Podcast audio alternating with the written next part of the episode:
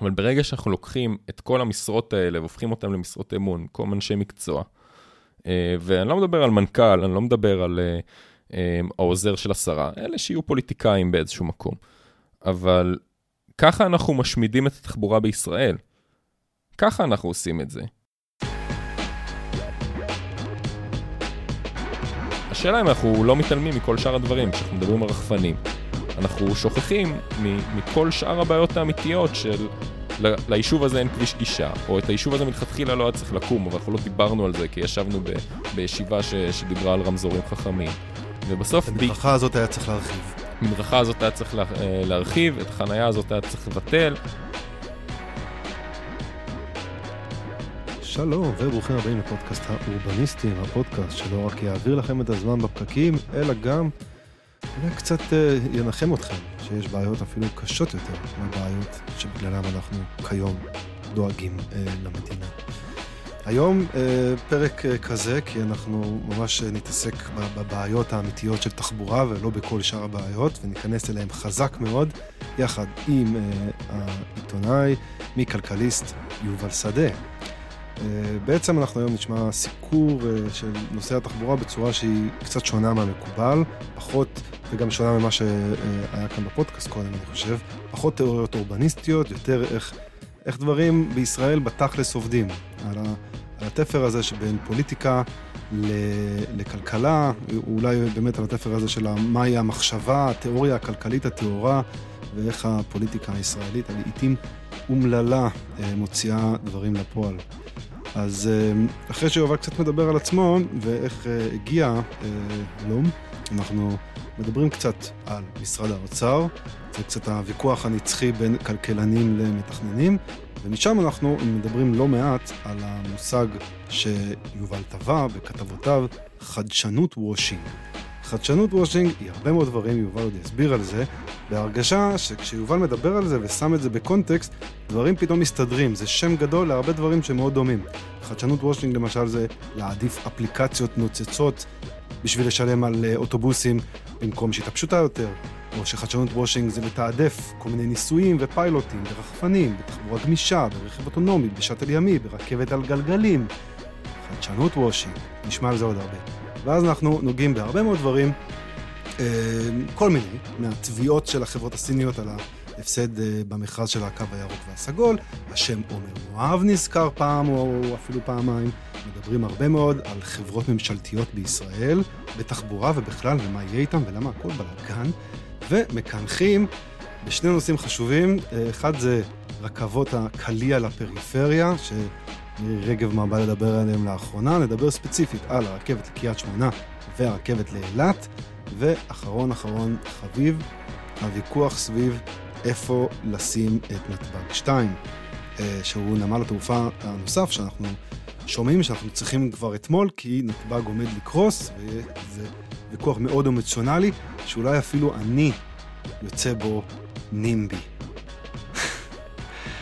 אה, יובל שדה, הוא אה, גם פודקאסטר בעצמו, עם אחד הפודקאסטים הכי נשמעים בישראל אגב, ולכן סוף סוף פרק של האורבניסטים באיכות שמע סבירה. כן, כן, אני מציע שתתענגו על כל הבאס של יובל, כי לא בטוח שנצליח להגיע לכאלה איכויות שוב. זהו, אז אה, לפני השיחה, פודקאסט אורבניסטי איתי ועם גל גנדלר, פעם בשבועיים בערך, שיחות על תכנון ותחבורה ושאר דברים מעניינים. מוזמנים להירשם באפליקציות האהובות עליכם, לדרג באפליקציות האהובות עליכם, להמליץ לחבריכם בעבודה ובוואטסאפ ולמשפחה, אנשים אוהבים ומתעניינים, זה פודקאסט אה, נחמד, אני חושב. אה, מוזמנים גם לכתוב לנו, יש לנו את המייל האורבניסטים.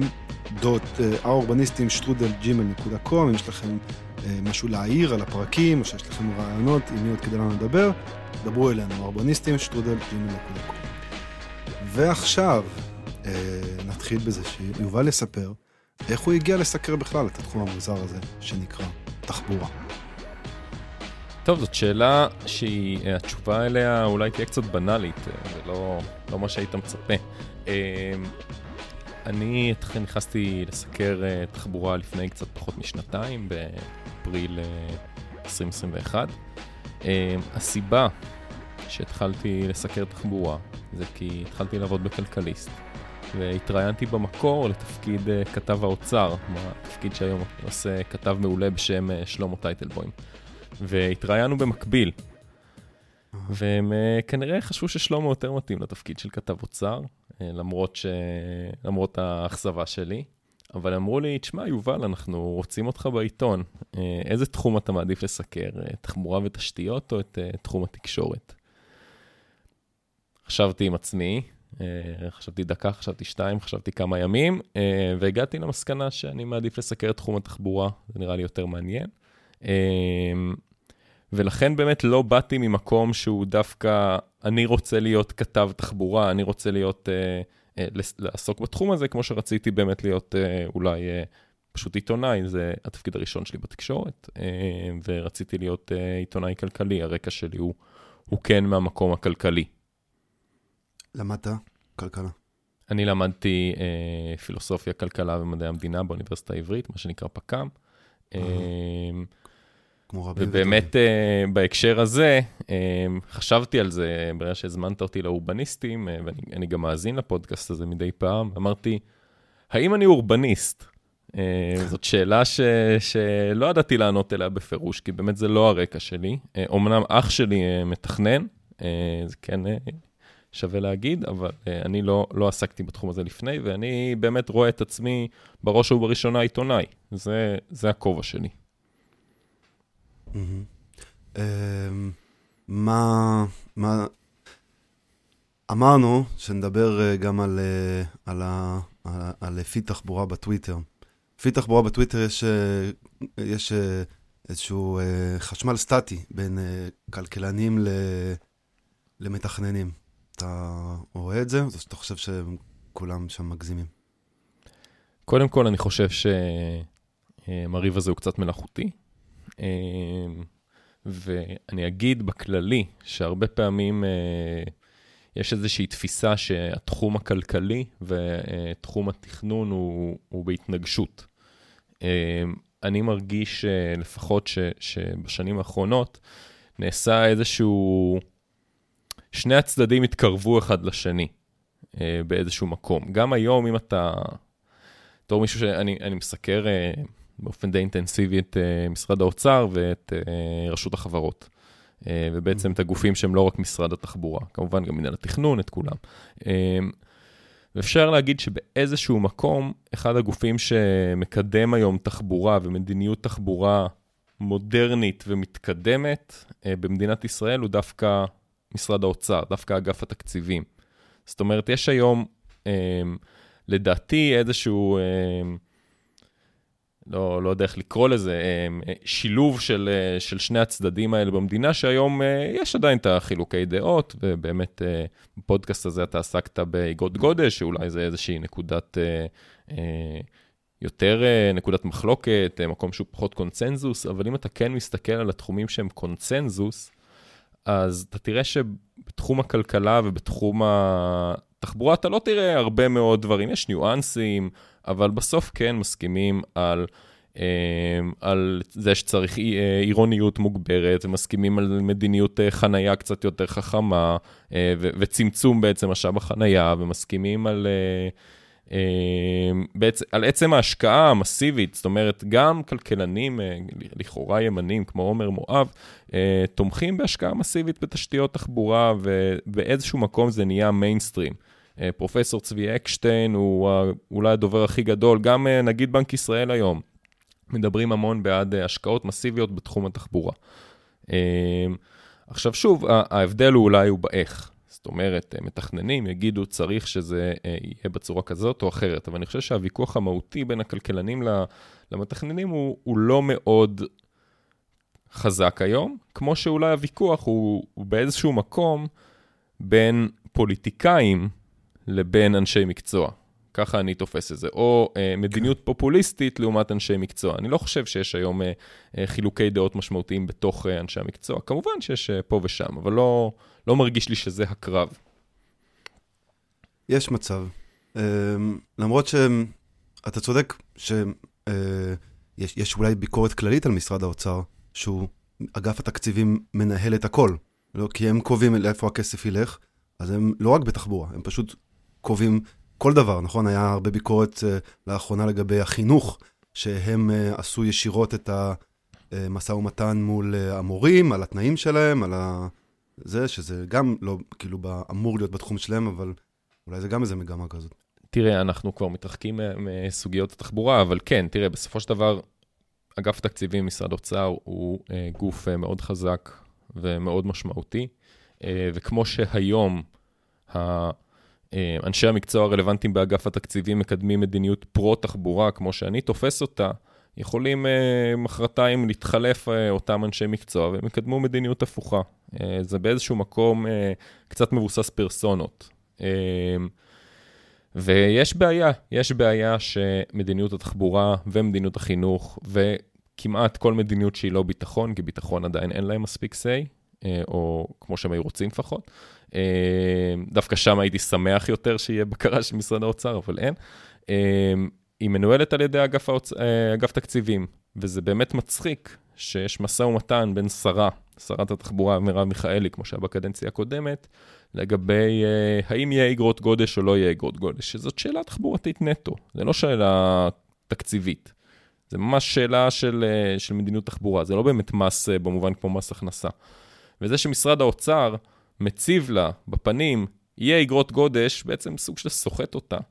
Um, זה התנהלות אגרסיבית שלדעתי אף אגף uh, לא צריך לעשות. Um, ו... בכללי זאת שאלה לגבי אגף תקציבים, אם הוא צריך להיות כמו שהוא היום, או שאולי uh, הוא צריך להיות משהו שהוא יותר דומה ל...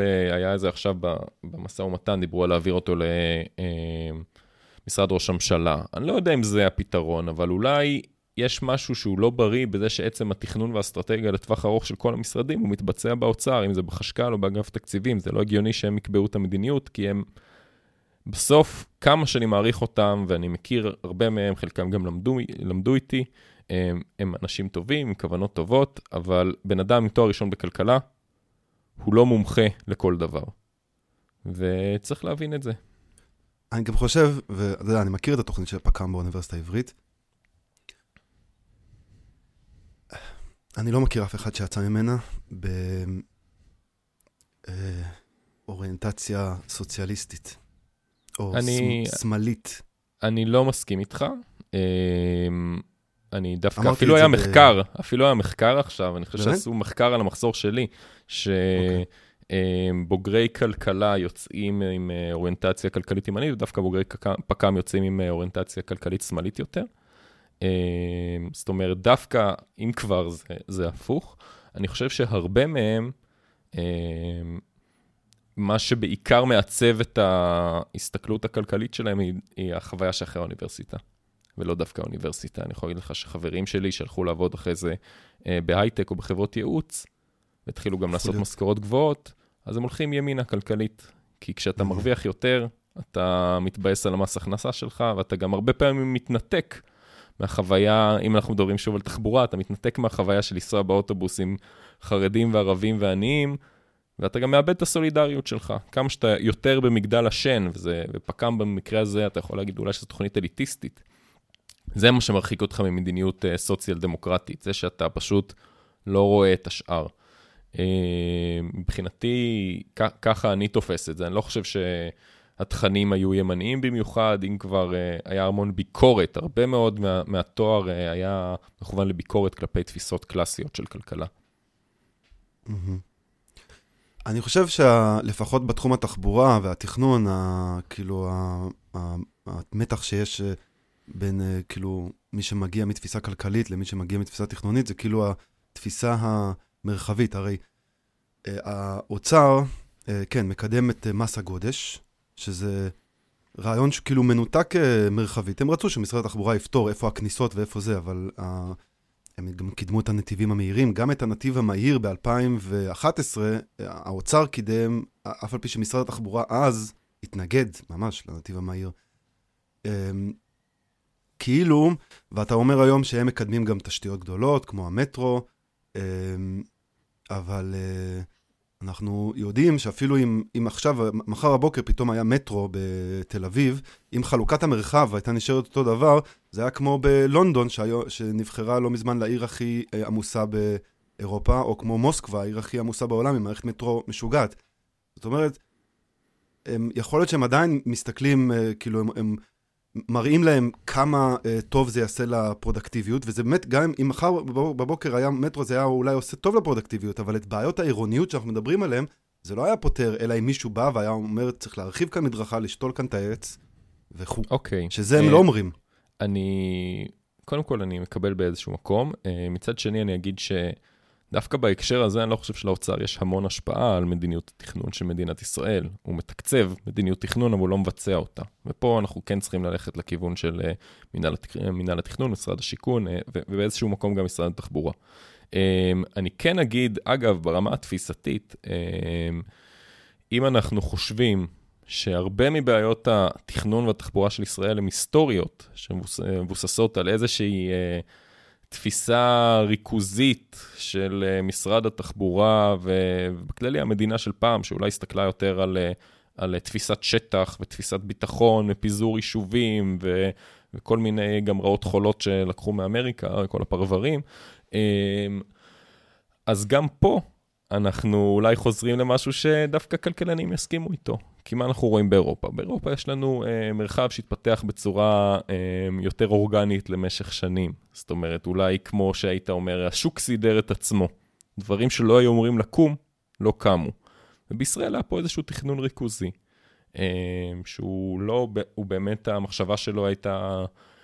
או לא כל כך תחבורתית, או שהייתה מאוד אידיאליסטית כזאת, כמו כזה, כן, ניקח את קריית גת, זה יהיה המרכז של כל יישובי לכיש אה, וכן הלאה. אה, וגם פה אני אומר, יש פה, אני, אני לא אוהב להסתכל על, אה, להסתכל על סוציאליזם וקפיטליזם בתור איזשהו מתרס אחד, אבל אני כן אגיד ש, שהרבה מה, מהרעות החולות של התחבורה בישראל ושל התכנון הישראלי, זה איזושהי תפיסה מאוד ריכוזית. עכשיו, אני לא חושב ש... אני חושב שבמקרה הזה האוצר הוא אולי, הוא שילוב של השניים, הוא גם מאוד מאוד ריכוזי, אבל כן התפיסה הכלכלית הקלאסית של בוא ניתן לדברים לקרות מעצמם, יכלה לעזור מאוד לתחבורה, למדינות התכנון בישראל, כי מדינות התכנון בישראל קרתה הפוך. יצרו אה, יש מאין, ואנחנו עד היום משלמים על זה. יש מצב. למרות ש... לא יודע, אפשר להיכנס, הרי בסופו של דבר המטרופולינים אה, שלנו, לפחות אלה הגדולים שעובדים כמו, ולא זה שאנחנו מנסים לגדל כמו באר שבע, אלא ירושלים, תל אביב וחיפה, יש להם uh, היסטוריות uh, גם גדולות, ויש להם גם uh, כאילו מרכז היסטורי הרי. בהחלט, גם, uh, והבעיות הן לא, לא בלב המטרופולינים האלה, הן במסביב של המטרופולינים האלה, um, שהם כן נוצרו יותר מאוחר. Um, זאת אומרת, אם אנחנו שוב הולכים לכיוון של הכבישים ההגיוניים, במדינת ישראל זה, אתה יודע, דרך הים, דרך המלך, אה, ההיסטוריות. המרכזים שהיו באמת ליד הים, יפו, ליד המפרצים, על, אה, על ההר, אה, ולא היה הרבה מקום לכל השאר. היה, אם היינו הולכים לאיזשהו מקום אורגני, יכול להיות שיפו תל אביב הייתה הופכת להיות עיר הרבה יותר עירונית ממה שהיא היום, בטח חיפה. וירושלים לא הייתה הופכת להיות, ירושלים עיר רחבה בצורה... לא הגיונית. אין, אין פה שום... הייתה צריכה להישאר קטנה. לא, כן, לא זה לא... אין, אין כאילו, אין בזה שום היגיון. מה זה? שכונת רמות, היא לא חלק מירושלים. לא משנה איך תסובב את זה. אתה יכול לקרוא לה ירושלים, אתה יכול גם לקרוא לה אבו דיס ירושלים, זה לא יהפוך אותה באמת לחלק מהעיר ירושלים. כן, אבל שם באמת היה הרבה פוליטיקה שהתערבה בתוך uh, מה נכנס ומה לא. Uh, אתה טבעת בזמנו את uh, המושג חדשנות ווש. אה, תכלס, אני חושב שהסיקור שלך עדיין הוא כזה, אה, באמת יחסית, אה, אתה גם באמת מסקר את מה שמשרד האוצר עושה ואת מה שקורה, ב... לא קצת או שאני טועה? אני מסקר באופן ספציפי את מה שרשות החברות עושה, ואת מה שקורה בחברות הממשלתיות. זה משהו שהוא, מבחינתי, הוא מתחבר גם מאוד לתחום הזה של, של התחבורה. במובן הזה שאני חושב שהרבה מהשיח התחבורתי הוא, הוא מתעסק ב, במהות, וזה לא תמיד נכון. זאת אומרת, הרבה פעמים אנחנו מתעסקים בהאם הקו הירוק עובר בצורה הנכונה בתוך תל אביב. מה ש... או, או באמת, אה, האם הקו האדום אה, היה צריך להיות תת-קרקעי או מעל הקרקע? זה הרבה פעמים הדיונים אה, לצורך העניין לפי תחבורה. אם אנחנו מסתכלים על איך המכרזים נבנו במהלך השנים, אם אנחנו מסתכלים על האסקונה, מה שאנחנו הרבה פעמים לא אוהבים להתעסק פה, והוא גם נורא משעמם. נורא משעמם לדבר עכשיו על, uh, על הסכסוך בין uh, משה שמעוני למיכה מייקסנר ועל דירקטוריון רכבת ישראל. זה דברים שאתה שומע אותם ואתה אומר, מה... זה נשמע כמו uh, שיחות על מרכז הליכוד. דווקא ו... זה מעניין, ואני חושב שזה באמת משהו שאתה הבאת. לא, לא זוכר ש... שהכרנו את כל הדמויות האלה קודם. אז אני באיזשהו מקום חושב שלפרסונות האלה, אני, אני לא אגיד שאני הבאתי את זה, אני חושב שאולי ה, אה, המייצג הכי גדול של ה... של ה איך שאני תופס את זה מבחינת אה, העיתונות בישראל, זה המודרנית לפחות, בזמן האחרון זה אבי בראלי מדה מרקר, שהוא מאוד uh, uh, שמה, אבל הוא לא, הוא לא רק כתב תחבורה, הוא היה פעם. Uh, ויש לאנשים האלה המון השפעה על החיים שלנו. וכשאנחנו מדברים, אם עכשיו uh, הפודקאסט הזה בטח uh, ישודר, uh, uh, עוד לא, לא, ב, ב, כאילו לא יודע כמה זה יהיה אקטואלי, אבל אם אנחנו מדברים uh, על משה בן זקן, אותו ראש מטה של מירי רגב, שאותו היא ניסתה למנות למנכ"ל המשרד, ועכשיו היא נסוגה ותהפוך אותו לממלא המקום של משנה, מנכ"ל המשרד, אז כן. מי שמסקר את זה זה הכתבים הפוליטיים הרבה פעמים. בסוף, אם אותו משה בן זקן יהיה מנכ"ל משרד התחבורה, יכול להיות שהוא איש מקסים, אני לא פגשתי אותו באופן אישי לעולם, ואולי הוא גם חריף וחד. אבל בן אדם שאין לו ניסיון בתחום הזה, ונותנים לו לנהל 40 מיליארד שקלים בשנה, או משהו כזה, ויותר מזה, הוא צריך לשבת בדיונים ש, שקשורים הרבה פעמים לדברים טכניים. אני, אני אתן דוגמה אולי שאני יותר יכול לעמוד מאחוריה, ואני אשחרר ממשה בן זקן. Okay. אה, אוקיי. רג, רגב בקדנציה הקודמת שלה מינתה אה, אדם בשם שילה אדלר. אה, לראש מינהל תשתיות. אה, איך היא מינה אותו, מינתה אותו לראש מינהל תשתיות? היא מינתה אותו בהתחלה להיות אה, משנה למנכ"ל, שזה איזושהי משרת אמון, ואז הוא צבר שם מספיק קילומטראז' והוא יכל אה, אה, לעבור את המכרז ל- להיות אה, ראש מינהל תשתיות. עכשיו, אותו שילה אדלר, כל מי שפגש אותו אי פעם יגיד שהוא בן אדם מאוד נחמד. באמת, גם המתנגדים הכי גדולים אליו יגידו שהוא בחור מקסים, אה, בחור טוב. אה, מה הבעיה? הניסיון שלו הוא ניסיון פוליטי וצבאי, הוא, הוא גם אחת במילואים, אבל הוא היה, הוא ניהל, אה, היה שותף בקמפיינים של הליכוד, לא זוכר בדיוק מה הפרקטיקה שלו שם, הוא התמודד על אה, ראשות מועצה אזורית מטה בנימין. אה, זה המקום בו הוא צמח. וכשאותו שילה אדלר היה אחראי בעצם על כל פרויקטי התשתית של מדינת ישראל, היה בעיה, כי הוא לא ידע את השפה, הוא לא ידע לדבר את מה צריך לעשות. הוא היה יושב בדיונים, והוא לא היה אומר את הדברים הרלוונטיים. זאת אומרת, אה, אתה, אתה רואה פרוטוקולים, אתה רואה שהוא, אתה יודע, הוא יודע לדבר מלמעלה, פה ושם, הוא יודע מה זה המסילה הרביעית בכותרת, שזה נחמד.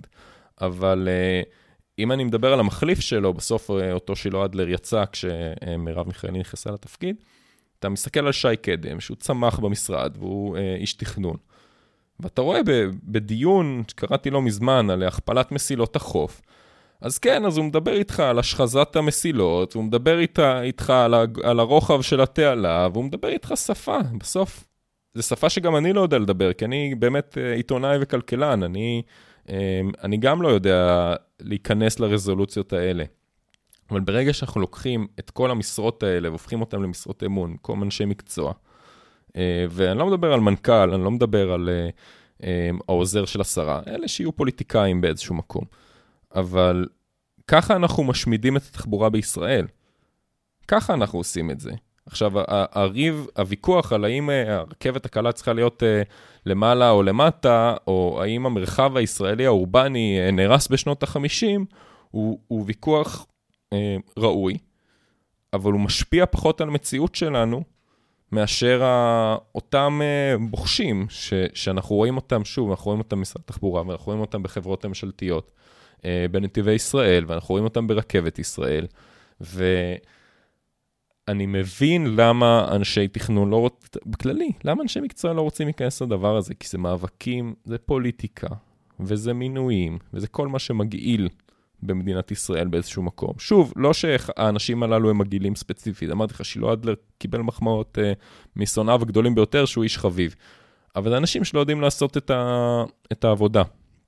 ו... זה אולי גם כזה בעיה של אה, מדינת ישראל הצעירה, שזה גם קצת מה שמדברים היום אגב, אני מקווה שהפודקאסט הזה כן ישתחרר יחסית אה, סמוך. עכשיו יש את כל הסיפורים המשפטיים, ואומרים כאילו שישראל עדיין לא נסגרה על ה... לא יודע, חוקה ועל החוקי יסוד וכאלה. אה, באירופה, למשל, מינויים כאלה הם מינויים מקצועיים, וגם באנגליה. מינויים, כאילו, זה, זה התרבות, זה לא רשום בשום ספר. אבל המינויים האלה, המנכ"לים הם מנכ"לים מקצועיים של כל המשרדים וכל האלה. אני חושב שאולי בארצות הברית זה ככה, כאילו, גם מינויים פוליטיים של מנכ"לים, ובגלל זה יש להם כל כך הרבה בעיות שם. בארצות הברית יכול להיות לך ראש CIA שהוא, לא יודע, איזה סנטור, כאילו, זה לא, ארצות הברית זה... הרבה פעמים uh, משווים אותנו לארצות הברית, ואני אומר, מי רוצה להיות כמו ארצות הברית?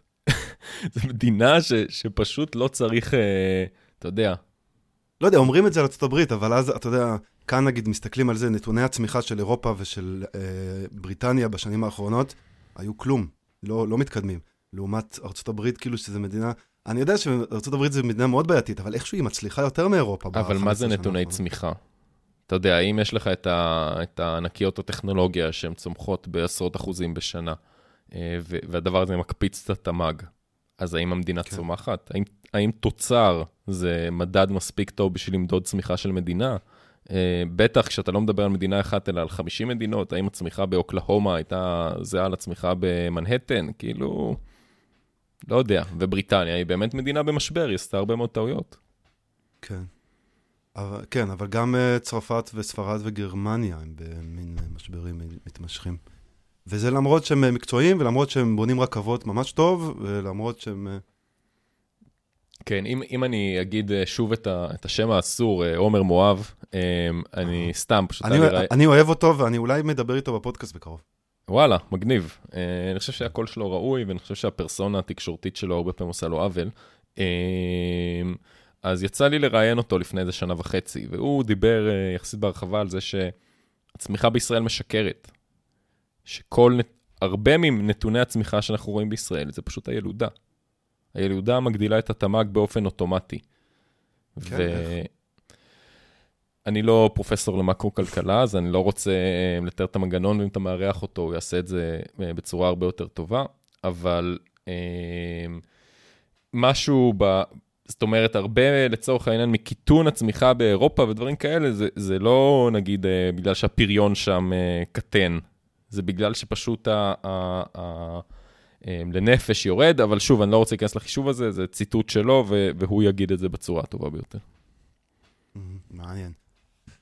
אה, אה, רציתי לשאול אותך מקודם על חדשנות wash, המושג שטבעת. אז אה, כמה זה, מה זה? כמה זה נפוץ? למה יש לנו את זה? זה מחלה ישראלית? לא יודע. אני חושב שזה אגב לא מחלה ישראלית. לא, זה ממש לא מחלה ישראלית. אז חדשנות wash או חדשנות washing, אם אנחנו ב present progressive, זה איזושהי נטייה שהיא, שוב, אני, אני מחבר אותה ל... באיזשהו מקום, לא בכלל לא לעניין טכנולוגי, אלא אולי באמת, שוב, לפוליטיקה. אה, להעדיף פתרונות שהם נשמעים חדשניים, אה, סקסיים באיזשהו מקום, אה, טכנולוגיים, ולהאמין שהם יפתרו את הבעיות שלנו. והדבר הזה, רואים אותו באמת בכל מקום, וממש לא רק בתחום התחבורה, אבל בתחום התחבורה אנחנו יכולים לדבר על אולי הדוגמה הכי אקטואלית לדבר הזה זה הנאום של נתניהו, ובקווי היסוד של הממשלה מדברים על רכבת קליע. מדברים על אה, נקים רכבת קליע במדינת ישראל שתחבר אה, את, את אה, קריית שמונה לאילת. עכשיו, קודם כל, האם אפשר להקים רכבת קליע בישראל? לפי בכירי משרד התחבורה זה משהו שהוא לא... זה לא רק שהוא לא על הפרק כי אין תכנון כזה, הוא לא על הפרק כי, כי מבחינת המידות של המדינה הזאת, אה, אנחנו מדברים פה על משהו שהוא לא כל כך רלוונטי. אפשר להקים רכבת מהירה, וזה משהו שעובדים עליו. רכבת קליע זה שני צעדים קדימה, ההשקעה התקציבית היא פסיכית, ו- וכנראה שזה לא, גם לא יפתור לנו יותר מדי בעיות. אפשר לדבר אחרי זה על רכבת לאילת, רכבת לקריית שמונה, אני יודע שזה נושאים ש- שאתה אוהב. אמ, אגב, אבל אני מספיק זקן לזכור שגם בקואליציה הקודמת, זה, רכבת קליע הייתה בהסכמים הקואליציוניים, נכון, זה לא ומהצד השני הם uh, עשו על זה איזשהו קטע, שגם ב-2013 הוא, הוא דיבר על זה, זאת אומרת, בהרבה מממשלות נתניהו דיברו על רכבות קליע ו, ולא קידמו רכבות קליע, עכשיו שוב, מסיבה טובה שכנראה אי אפשר לקדם רכבת קליע, אבל גם זה וגם פתרונות כמו, אמ, אנחנו יכולים לדבר על התחבורה הגמישה, שהמדינה השקיעה בזה המון כסף, אנחנו יכולים לדבר על uh, כל הסיפורים האלה של הרכבות על גלגלים והתקציבים המטורפים שהמדינה משקיעה ונתיבי איילון ספציפית ברחפנים ובניסויים של רחפנים. Um, וזה יכול להיות המון דברים, או בכל מה שקשור לטכנולוגיית רמזורים, ובאיזשהו מקום זה, האידיאל פה הוא, אנחנו, מדינת ישראל uh, משתוקקת להייטק. היא רואה הייטק בכל מקום, והיא חושבת שהייטק זה הפתרון לכל, מקום, לכל דבר. Um, הבעיה שהטכנולוגיה, שוב, אני, אני לא מומחה ואני לא uh, רועי צזנה, איך שלא קוראים לו עתידן, אבל uh, הטכנולוגיה היא מתפתחת בדרך כלל בדברים מאוד מסוימים. כל מה שקשור לבינה חכמה ולמה שנקרא יותר תוכנה, הוא, הוא מתקדם באמת באיזושהי צורה אקספוננציאלית. מבחינת חומרה, מבחינת ה... המדרכות והרכבות והכבישים, וה... וגם, אגב, הרכבות עצמן והמכוניות עצמן, ההתפתחות הטכנולוגית היא הרבה יותר איטית. זאת אומרת, ההבדל בין המכונית שאנחנו נוסעים בה היום, גם אם uh, יש בה כל מיני רכיבים אוטונומיים, אז ההתפתחות הטכנולוגית, ההבדל בין המכונית שאנחנו נמצאים בה היום, uh, לבין אותה מכונית של תחילת המאה ה-20, היא, היא לא מאוד גדולה. Uh, ואותו דבר רכבות. נוסעת כן, יותר מהר ומסוכנת. נכון, וגם הרכבות, סבבה, אז החלפנו מנוע קיטור אה, במנוע דיזל, ואז במנוע חשמלי, ואולי בהמשך מנוע מימן. הם נוסעים על אותן מסילות, הם נוסעים בערך באותה מהירות, פלוס מינוס, נוסעים על אותה תשתית. התוכנה, התוכנה השתפרה. נכון, התוכנה השתפרה, וזה... אבל אנשים לא נוסעים על תוכנה. אנשים בסוף נוסעים במושבים של אותו אוטובוס ושל אותה רכבת, ונוסעים על אותה מסילת ברזל. ואנשים, יש להם את אותם צרכים, הם עדיין שותים מים ואוכלים ורוצים להגיע ממקום למקום וללכת ברגל, והטכנולוגיה, אנחנו לא, אתה יודע, כשאתה מסתכל על סרטים עתידיים, אה, עתידניים שלפני 50 אה, שנה, אתה רואה שכל המדרכה היא מסועים כאלה, כמו של... אה, כמו בסופר, שיש לך את המדרגות הנאות, אז יש לך מדרכות וכל מיני דברים כאלה. עכשיו, כן. זה מטומטם. כאילו, כי אנשים לא, לא חיים ככה. גם גם יהיה לך את הטכנולוגיה ויהיה לך כל מיני, אה, אתה יודע, הייפרלופים של אילון מאסק, אז אנשים בסוף צריכים סתם ללכת ברגל וללכת למכולת, ושום טכנולוגיה לא תשנה את זה. גם השליח הוא לא... אתה לא, אתה לא תקנה סיגריות עם שליח, לפחות רובנו. אמ, ולכן יש איזושהי ציפייה שהטכנולוגיה תגאל אותנו מדברים ש, שהיא לא יכולה לגאול אותנו מהם. הרחפנים, כל הכבוד, לא יפתרו לנו את בעיות הצפיפות בכבישים. בעיות הצפיפות בכבישים פתרו בבעי, בפתרונות מסורתיים. פתרונות מסורתיים יהיו תחבורה של הסעת המונים, יהיו תכנון מרחב יותר טוב, אה, כל הדברים שאנחנו כבר מכירים.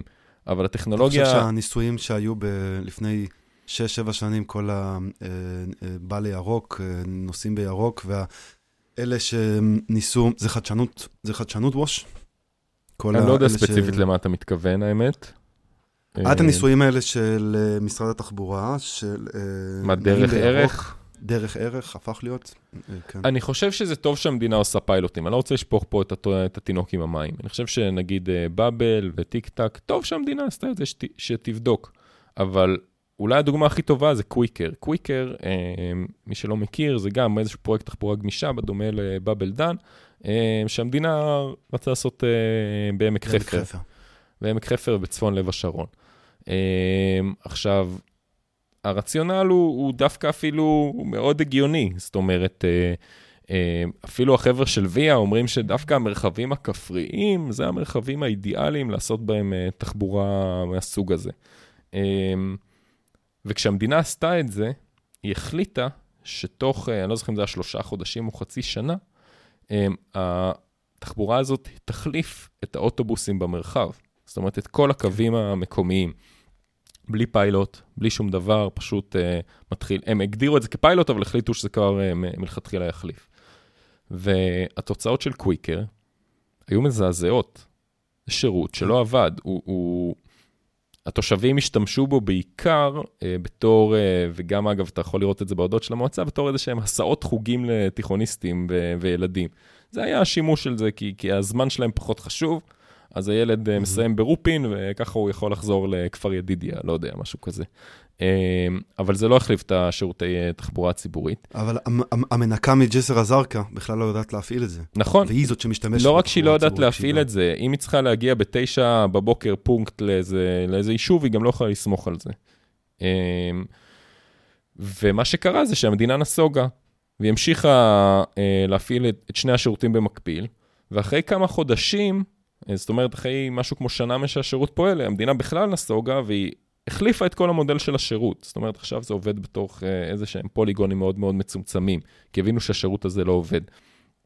התחבורה הציבורית עדיין עובדת, ובתור מישהו שגר באזורים האלה, אה, היה גר, היום אני גר בתל אביב, אה, אני יכול להגיד לך שהתחבורה הציבורית שם היא מזעזעת, ובקושי משתמשים בה, אבל אם אתה אומר, אם היא עדיין יותר טובה מהחדשנות הטכנולוגית של מיטב המוחות, שמקבלים על זה מיליונים על גבי מיליונים, ואלגוריתמים הכי חכמים בעולם, אמ, אז, אז אנחנו צריכים להיות קצת צנועים בקשר לטכנולוגיה הזאת, והרבה, אגב, כאילו, שוב, הרבה מהחברות ההייטק בישראל, אז, אז זה מדהים בשביל עשיית כסף. באמת, זה, זה, אתה יודע, מאנדאים למיניהם, כל מיני דברים כאלה. זה מדהים לתמ"ג של המדינה, כי זה מצמיח וזה מביא משכורות והכול. להגיד לך ששוב, אני, אני קטונתי ואני לא, אתה יודע, אולי הם יגידו משהו אחר ואני לא מבין משהו, להגיד לך שמאנדיי שינה את העולם, עשה משהו טוב לאנושות, אני לא יודע. אה, אני לא יודע, יש אה, היום, אה, כאילו, אם מחפשים איך לנו, עובדי המשרדים, משפרים את החיים, אז דברים האלה כמו מאנדיי, ואז גם מה שמיקרוסופט מפתחת, וצ'אט GPT שנכנס, זה משפר את התפוקה של העובד המשרדי, שהוא... אין ספק, אבל אם אנחנו מדברים על השקל השולי, ואם אני חוזר לכלכלה, אלא למובן של מה התוספת בוא לא נדבר על, אה, על תשואה. תשואה זה סיפור אחד. אם אני שם שקל ואני רוצה לשים תשואה, להרוויח ממנו יותר, כנראה שעדיף לשים אותו ב-Monday, אה, שיכולה למכור לחברות אה, אחרות שהן עשירות ויכולות לשלם על זה, מאשר לרכבת ישראל. רכבת ישראל לא תיתן לי תשואה, היא אולי גם תפסיד את השקל הזה. אבל אם אנחנו מדברים על מדדים אחרים, כמו יעילות, כמו רווחה, או, או מדדים אחרים שאנחנו יכולים לצורך העניין להמציא, אז כן, השקעה בתשתיות והשקעה בתחבורה ציבורית, וגם השקעה ברווחה ובחינוך, שהרבה יותר קשה למדוד את זה, אז אני מעדיף שהשקל השולי שלי, התשואה שלו באיזשהו מקום גם יהיה לי קשה למדוד את זה, אז, אז אה, היא תהיה מאוד משמעותית שם. וזה משהו שהחדשנות ווש, החדשנות היא סותרת את זה. אתה אומר, למה לי להשקיע במורים? אני אשקיע עוד בהייטק. כשאתה משקיע עוד בהייטק, אתה משקיע ב... אה, סתם, אה, רשות החדשנות, אני, אני יכול להגיד לך, אני עבדתי ברשות לפיתוח אה, ירושלים, בהרלי, אה, ועבדתי שם באגף שהוא אה, מנסה לקדם הייטק בירושלים. Mm-hmm. עכשיו, על פניו, שוב, זו יוזמה ברוכה, ומאוד חשוב שהתעסוקה בירושלים תהיה כמה שיותר מתקדמת, אה, כי זאת עיר שבכלל אי אפשר לדבר עליה, אבל זאת עיר שהיא משימה לאומית. אה, אבל בסוף אתה מוצא את עצמך כמדינה מזרים מאות מיליונים לכל מיני עסקי הייטק קטנים, כל מיני אה, אה, דברים, אה, בתי תוכנה או כל מיני מרכזי פיתוח קטנים. אתה מזרים כסף לעסקים פרטיים. ו... והשאלה אם הכסף הזה לא יכול ללכת למקום אחר, והשאלה אם אנחנו, בסוף כל שקל הוא על חשבון שקל אחר. וכשאנחנו מעודדים הייטק, זה, זה שוב, מדהים וחשוב. אבל uh, השאלה אם אנחנו לא מתעלמים מכל שאר הדברים, כשאנחנו מדברים על רחפנים, אנחנו שוכחים מכל שאר הבעיות האמיתיות של ליישוב הזה אין כביש גישה, או את היישוב הזה מלכתחילה לא היה צריך לקום, אבל אנחנו לא דיברנו על זה, כי ישבנו ב, בישיבה ש, שדיברה על רמזורים חכמים. ובסוף... את המדרכה ב... הזאת היה צריך להרחיב. המדרכה הזאת היה צריך לה, אה, להרחיב, את החנייה הזאת היה צריך לבטל, כי, כי בסוף החיים הם אפורים, המדרכות הן אפורות והחיים אפורים, והרחפנים הם סקסיים, אבל הרחפנים הם לא, הם לא ישנו לנו את החיים. הם אולי, שוב, ישפרו את התמ"ג באיזה עשירית האחוז, באיזושהי צורה, זה כמו להשקיע במו"פ, זה, זה איזשהו סיכון, אבל זה לא life changing, ואני הייתי רוצה שהמדינה תזכור שהיא בסוף כמו, כמו עירייה, היא אחראית אה, לפנות לי את הזבל בסוף היום, וזה מה שחשוב, היא צריכה לדאוג לרווחת החיים שלי. עכשיו להשקיע במו"פ של רחפנים. אני לא רוצה שמשרד התחבורה יעשה את זה, משרד החדשנות רוצה לעשות את זה, יאללה, בהצלחה. משרד התחבורה, תספק לי תחבורה נורמלית, תן לי את הזכות, את חופש התנועה שלי. תן לי את המוביליות שלי במובן הכי מהותי של זה. אל תתעסק לי עכשיו ב... אה, עזוב, אני חוזר, על עצמי, אבל אה, אני חושב שהנקודה פה היא יחסית ברורה. אני, אני אולי אחזור רגע לנקודה אחרונה בהקשר של חדשנות ווש, מילה אחרונה. אה, דיברתי הרבה על טכנולוגיה, בואו ניקח את זה דווקא לא לכיוון הטכנולוגי. מירי רגב מדברת על שאטלים ימיים. אה, זה משהו שהיא ניסתה לקדם בקדנציה הקודמת, והיא מקדמת גם בקדנציה הזאת. אה, היא שאטלים... מקדמת? היא מדברת על זה, היא דיברה על זה בנאום הפתיחה שלה, אם היא בשבוע כן. וחצי ש, שהיא, אתה יודע, בתפקיד מאז שאנחנו עושים את הפודקאסט הזה. אני, אני לא רוצה לא לראות אותה היא... פעם אחת, פעם אחת על ספינה כזאת. אני אשמח. אמ, אז שאטל ימי זה, זה, שוב, זה לא חדשנות במובן הטכנולוגי, בסוף זה סירה ומרינה, אבל זה איזשהו עיסוק במשהו שמבחינתי הוא, בואו נחשוב על פתרון יצירתי ש, שיפתור את בעיית הפקקים. והוא לא בהכרח טכנולוגי, אבל בואו נחשוב, בואו נראה איך אנחנו שוברים את הראש ומצליחים. עכשיו, הדבר הזה, הוא, עזוב את כל הנזק הסביבתי והכסף, את זה שזה, אתה יודע, זה לא יעבוד. לא משנה מה, זה לא יעבוד. לא יעזור לך השאטל בין עכו לאשדוד, לא יעזור לך לפתור את בעיות התחבורה בישראל, אבל כמות התשומות שחברות כמו נתיבי ישראל, חברת נמלי ישראל, משרד התחבורה, ראש אגף התשתיות, כולם התעסקו בדבר הזה, שהוא איזשהו כן. קריז של עשרה, במקום עכשיו לשבת ולפתור את uh, איך מקדמים את המסילה הרביעית באיילון בצורה יותר מהירה, זה הבעיה האמיתית, זה החדשנות וושינג האמיתית. אנחנו, אנחנו עושים, אנחנו מדברים חדשנות, ובפועל אנחנו קוברים את העבודה האמיתית, כי יותר משהכסף מוגבל, הזמן מוגבל. כן. וכאילו, ומשאב, הזמן ש, של האנשים, כאילו, משאב המקצועיות. כן. יכול להגיד לך שחדשנות ווש, לפי דעתי, גם יש פה, באנגליה. הם גם אה, אוהבים את זה, במיוחד אם אנחנו חוזרים לשם אה, עומר מואב, איפה שעומר מואב גר, שזה לא בלונדון, זה בקובנטרי, זה מולדת החדשנות, שם האזור של ווסט מידלנדס, זה אזור שהוא קצת דומה לישראל, מאוד פקוק, אה, ומנסים לעשות אה, כל מיני אוטובוסים על גלגלים, דברים כאלה, זה לא... אוטובוסים לא הם בדרך כלל על גלגלים. סליחה, איך זה נקרא? רכבת על גלגלים. אה, וגם שם עשו ניסוי של לשלם לאנשים לא לנסוע, כמו נעים בירוק. כן. לא עבד. שוב, אני חושב ש, שזה טוב שיש את הניסויים האלה, ואתה יודע, כל ניסוי עשירי, מספיק שכל ניסוי עשירי מצליח, זה אחלה. אבל כל עוד אתה מבין שזה ניסוי, ואתה מבין שזה פיילוט, כי בישראל הבעיה, דווקא אני מבסוט מאוד על משרד התחבורה שהם ביטלו את הפיילוט של תחבורה גמישה. לא כי הוא באמת אה, נכשל, אלא כי הם יישמו את המושג החדשני באמת של פיילוט. הם בדקו משהו, החליטו שהוא לא עובד וביטלו אותו, כי בישראל ובהרבה מקומות אחרים מה קורה, אתה עושה משהו, אתה רואה שהוא לא עובד, אתה משנה אותו עד אינסוף, והוא איכשהו נתקע אצלך. כן. למרות ש... אגב, בקשר לזה, אתה חושב שאת... אה, הרי באבל ב... במרכז קיבל אה, הרבה... אנשים אהבו אותו סך הכל. אני גם יצא להשתמש בזה כמה פעמים, ואני יכול להבין למה זה מין כזה... יכול להיות גייטווי uh, דרג לאנשים שלא משתמשים בתחבורה ציבורית, אז הם ישתמשו בזה, אולי יום אחד הם גם יעלו על אוטובוס אמיתי. אני, um, אני חושב שבאבל בהקשר הזה, לעומת שאר שירותי התחבורה הגמישים, הוא היה הכי מוצלח. אמ, אגד uh, טיק טק בירושלים, לא היה לו שום הצדקה, לפחות איך שהם עשו אותו, הוא לא עבד. זאת אומרת, לא, כמות הנוסעים הייתה ממש קטנה, אזור 700 נוסעים ב, ביום. והמקדם מילוי שלו היה מתחת לאחד. זאת אומרת, עדיף כבר שייסעו ברכב פרטי מבחינת הפקקים. אמ, בבאבל זה לא היה, זאת אומרת, בשעות השיא היה מקדם מילוי מעל, מעל שניים, היה איזה אזור 4,000-5,000 נוסעים ביום. אמ, ולכן אני חושב שזאת סוגיה קצת יותר מורכבת, שבסוף באבל, לעומת האחרים, הוא נפל על כסף.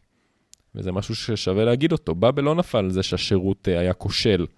הוא לא היה כושל, אנשים אהבו אותו, ונעמה ריבה שהתראיינה לפודקאסט הזה, אמרה שמה שהתעצבנה שביטלו אותו, כי בתור תושבת גבעתיים זה מאוד עזר לה להגיע לתל אביב. הבעיה שהוא פשוט היה, משרד התחבורה הסכימו לתקצב אותו כמו אוטובוס. וחברת דן הפסידה על זה ברגע שתקצבו את זה ככה, והם דרשו עוד סבסוד, ומשרד התחבורה לא הסכים לסבסד אותו, ובסוף יש פה אז שאלה אחרת. השאלה היא, האם משרד התחבורה או המדינה צריכה להשקיע גם בתחבורה, נקרא לזה ציבורית, שהיא יותר בוטיק. זאת אומרת, שהיא אה, לאנשים אולי יותר עמידים. בסוף יש פה גם שאלה שהיא אה, שאלת מדיניות. זאת אומרת, אם אנחנו אומרים זה, זה לתושבי גוש דן, כי בשאר המדינה אנחנו אולי ניסינו, אבל זה לא הצליח, אנחנו רק נותנים להם איזשהו שירות שהוא קצת, קצת יותר פרימיומי, ואנחנו משקיעים בו אה, פי שתיים מנושאי האוטובוסים. ופה זה כבר שאלת מדיניות.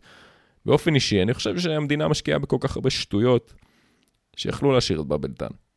בסדר? כאילו, היו יכולים לשים את ה-30 מיליון בשנה הזה, אה, אולי אפילו להרחיב קצת את השירות ו- ולהמשיך לתת לדבר הזה לפעול. אבל ברגע שזה לא עמד ביעדים, ווואלה, אני מבסוט גם על זה שהמדינה יודעת לעמוד במילה שלה. היה פיילוט, פיילוט נכשל, יאללה, הביתה. אגב, הם אה, פיילוט, אז אתה עושה איזשהו מטרות, ואתה מגדיר כאילו, היה מטרות, הם ידעו כאילו, מקדם המילוי היה משהו, אמרו, אוקיי, זה בסדר, ומתחת לזה זה לא בסדר?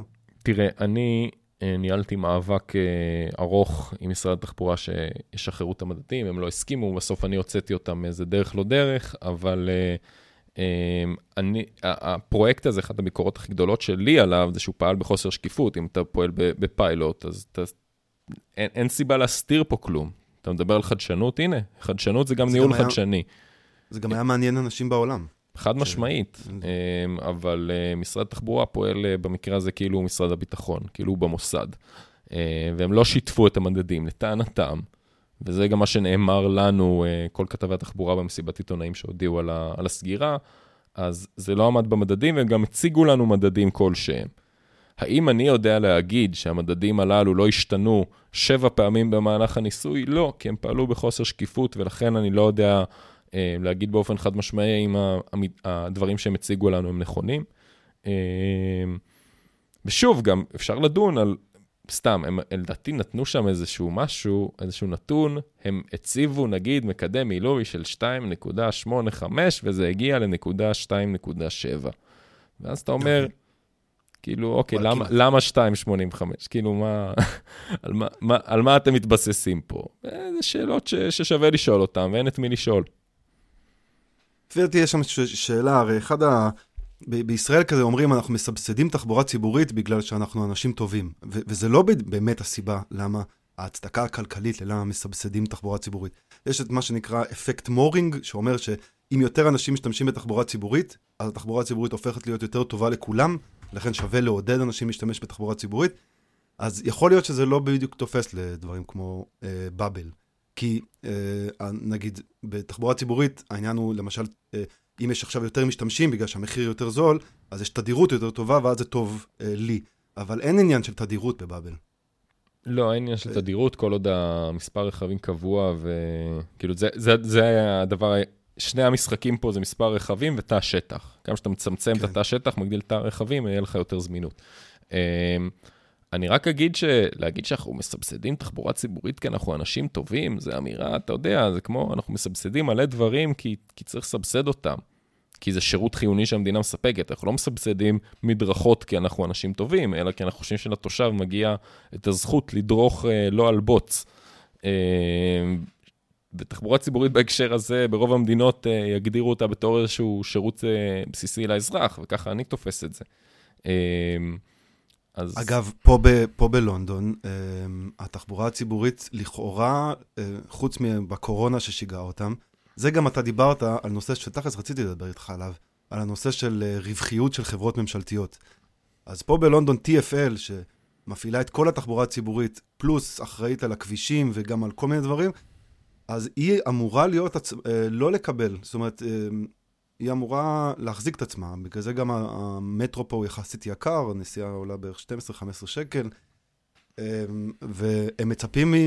זאת אומרת, הם מצפים מזה לעבוד ללא סבסוד. כמובן שבקורונה הם צריכים לדחוף לזה הרבה כדי שזה יחזיק. תראה, פעם. אני לא מכיר את המודל של התחבורה הציבורית בלונדון, אני מודה, אני כן יודע שכשהייתי פעם אחרונה בלונדון, רציתי לנסוע דרומה לאזור, ספציפית זה העיר בשם אקסטר נראה לי, ולאזור שם של, ה, של הצוקים, של דובר וכל האזור הזה. וחשבתי לקחת רכבת, ולא קניתי כרטיס מראש. ואני זוכר ש, שזה עלה מעל 200 פאונד לכיוון. היית צריך לדבר איתי, זה... לא, בסדר, עוד לא הכרתי אותך. ו... וכשאתה אומר, אה, והפאונד הזה היה יקר, אתה אומר, אלף שקל לכיוון, זה המחיר של אה, תחבורה ציבורית לא מסובסדת. זה... השאלה אם זה מחיר ש... אתה יודע, זה, זה כבר עדיף לטוס. הרכבות, אגב, כן מסובסדות קצת. אה, זה כאילו רכבות הבין-עירוניות. כן, אבל מסובסדות מאוד מעט, וזה יקר. זה בגלל ההפרטה. רוצים גם, ל... יש אנשים שקוראים להפריט את uh, רכבת ישראל. אני חושב שהקולות האלה בישראל הם בשוליים. יש אמ, מצב. אני לא, לא, לא מכיר שיח כזה, אולי את אה, חטיבת המטענים, וגם זה לא באמת. אמ, בהקשר של הרווחיות של החברות הממשלתיות, קודם כל צריך להפריד, נעשה שנייה סדר, כי אני מניח שלא כל המאזינים אה, בקיאים בתחום המרתק של חברות ממשלתיות. תעשה אבל... לנו סדר, אני גם לא בקיא. כן, אז אה, חברות ממשלתיות הן אה, זרוע ביצועית של הממשלה, שהוחלט מסיבות כאלה ואחרות שהם ינותקו מהמשרדים.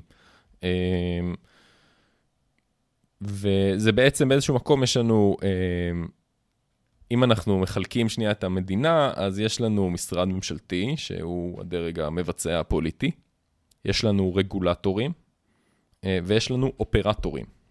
הרגולטור הוא אה, בודק שהכל אה, מתנהל, הוא בעצם גוף מפקח, הוא בודק שהכל מתנהל באופן תקין, והאופרטור הוא עושה את העבודה בפועל. אה, אז החברות הממשלתיות הן בדרך כלל האופרטורים של הממשלה.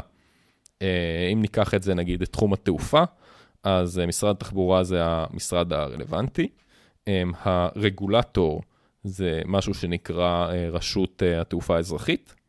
הוא מפקח על כל התעופה בישראל, והאופרטור זה רשות שדות התעופה. היא זאת שמבצעת את הדברים בפועל, היא מנהלת את נתב"ג, מקימה את אה, שאר הצעות תעופה.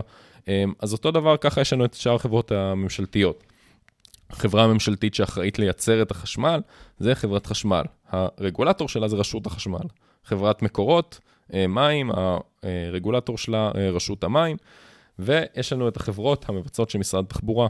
יש לנו את רכבת ישראל, אה, שאנחנו מכירים, יש לנו את נתיבי ישראל, שזה מה שהיה פעם מע"צ, שאחראית על כל הכבישים הבין-עירוניים, והיום גם על עוד דברים, כמו חלק מהמסילות. יש לנו את נתיבי איילון, אה, חוצי ישראל. נתיבי איילון אה, פעם היו שייכים גם לעיריית תל אביב. נכון, ואז המדינה הלאימה אותם. אז החברות הללו הן החברות המבצעות ש, ש, של המדינה. עכשיו, לגבי הרווחיות שלהן, יש לנו, בגלל שיש לנו פה DNA שונה של כל אחת מהחברות, אני, אני יכול לחלק אותן באופן גס ל, לשלוש. יש לנו חברות שהן רווחיות, יש היום חברות כמו אה, נגיד אה, רפאל, או התעשייה האווירית, חברות נשק של המדינה. מייצרות נשק, מוכרות אותו, אז הן מרוויחות, הן יכולות להיות חברות עסקיות, ולכן גם הרבה פעמים אה, מקדמים הפרטה שלהן. אה, אותו דבר הנמלים. הם אולי יושבים על תשתית חיונית, אבל הם מספקות שירותים uh, לחברות uh, פרטיות, לחברות ספנות, ליבואנים, יצואנים. אפשר להפריט אותם והם ירוויחו. אה, אני מכיר שעמידר, חברה ממשלתית לדיור ציבורי, היא חברה רווחית. היא מקבלת את השכר דירה המוזל, שבה הם משכירים את הדירות שלהם, והם רווחים, בעיקר כנראה בגלל הביקורת שלהם שהם לא משקיעים הרבה כסף, לא בדירות ולא בבניית דירות חדשות, הם רווחיים. הרבה מהחברות האלה יהיו רווחיות כי הם נוצרו רווחיות. חברת נמלי ישראל זאת החברה ששולטת על הנדלן של כל הנמלים בישראל. ולכן היא מחזיקה בהרבה מאוד נדל"ן, זה, זה המהות שלה, היא אולי מפקחת באיזשהו מקום גם על אה, אמ, על זה שהנמלים אה, יעשו חלק מהעבודה שלהם, למרות שזה לא התפקיד שלה, אמ, לא ניכנס לזה, אבל חברה שקיבלה המון נדל"ן, ובסוף מה שהיא עושה זה מזכירה אותו, היא תהיה רווחית. זה מונופול, מונופול שהקימו אותו רווחי. עכשיו, חברות התחבורה שאנחנו מדברים עליהן, נגיד ניקח את uh, נתיבי ישראל uh, באופן אולי הכי קל, נתיבי ישראל זו חברת ביצוע, היא מקימה כבישים. עכשיו, אין לה הכנסות עצמיות. אולי יש לה פה ושם בשוליים, אבל בסוף זאת חברה שהיא מקבלת כסף מהמדינה, בשביל לסלול לך כביש. בשביל לתכנן לך כביש, בשביל להקים לך מסילה. ההכנסות שלה הן רק מה שהמדינה נותנת לה. ומה שהיא מוציאה זה מה שהיא בונה. זאת אומרת, היא, היא מוכרת, אה, היא כאילו אה, משלמת לחברות קבלן. נגיד לשפיר, שיכון בינוי, שהן מקימות אה, את הדברים הללו בפועל. עכשיו, באה מנהלת רשות החברות החדשה, מיכל רוזנבוים, והיא אמרה, אני רוצה שכל החברות הממשלתיות יהיו רווחיות ויחלקו דיבידנד. למה? ככה נהוג בעולם, ואנחנו רוצים לקדם, לקדם שהחברות הללו יהיו אה, רווחיות כמו, אה, כמו חברות עסקיות. לא הגיוני שהם לא יפעלו כמו הסטנדרט שקיים ב, בעולם העסקי. כן. רגע, בעולם הגדול או בעולם העסקי? גם וגם. זאת אומרת, גם יש לה בנצ'מרקים שאומרים שבחלק מהעולם זה פועל ככה. עכשיו, כשאתה מסתכל על כל החברות הללו, אתה לא יכול להשוות חברה כמו תעשייה אווירית שהיא יצואנית נשק, לחברה שסוללת כבישים. להם יש מקור הכנסה חיצוני, ולהם אין מקור הכנסה חיצוני. ולכן לדרוש מנתיבי איילון דיבידנד, שזה משהו שקרה עכשיו, זה לקחת כסף מהמדינה לתק... ש... שנתיבי איילון... אה... נתיבי איילון לוקחת כסף מהמדינה בשביל לבצע משהו, ואז רשות החברות אומרת, אוקיי, עכשיו חלק מאותן הכנסות, תחזירו אותן למדינה כדיבידנד. זה מטומטם. אין לי איך להגיד את זה אחרת כמו... אין פה, אין פה, כאילו, ה- ה- להסתכל על חברות ביצוע ולהגיד שהמדד הנכון מבחינתן זה, זה כמה שהן ירוויחו, הן לא חברות רווחיות. זה לא, זה, המודל העסקי הוא בכלל לא עובד ככה. זה, זה זרוע ארוכה של משרד התחבורה. ולכן הדרישה, שוב, אנחנו נכנסים פה לסיקור תחבורה מזווית שהיא, שהיא קצת אחרת, אבל ברגע ש, שדירקטוריון, אה, נתיבי איילון, עסוק באיך לעזאזל הוא, הוא פותר את הדילמה של איך אני מחלק דיבידנד, אני בכלל מלכ"ר, זה פחות זמן שהוא מתעסק בבעיות אחרות. אה, נכון, אה, אה, כאילו, אני חושב שהתפיסה הזאת הייתה יכולה לבוא באיזשהו היגיון. השאלה, נגיד סתם, אני באמת לא יודע, נתיבי ישראל, כשהם מקבלים פרויקט לבנות את כביש 481, אז יש להם איזשהו תקציב שנותנים להם, תעשו את זה, אם עשיתם את זה למשל בפחות זמן ובפחות תקציב, אז אחלה, זה מבחינתכם רווח שלכם. או איך זה בדיוק עובד? בעיקרון, התקציבים הללו באמת מחולקים פר פרויקט. עכשיו, הם, הם מתוקצבים פר פרויקט במובן של... אה, הכסף עובר, אמ, סתם, בואו ניקח דוגמה יחסית פשוטה. יש לך מסילה, בסדר? אתה מחלק את המסילה לבוקסות של עבודה.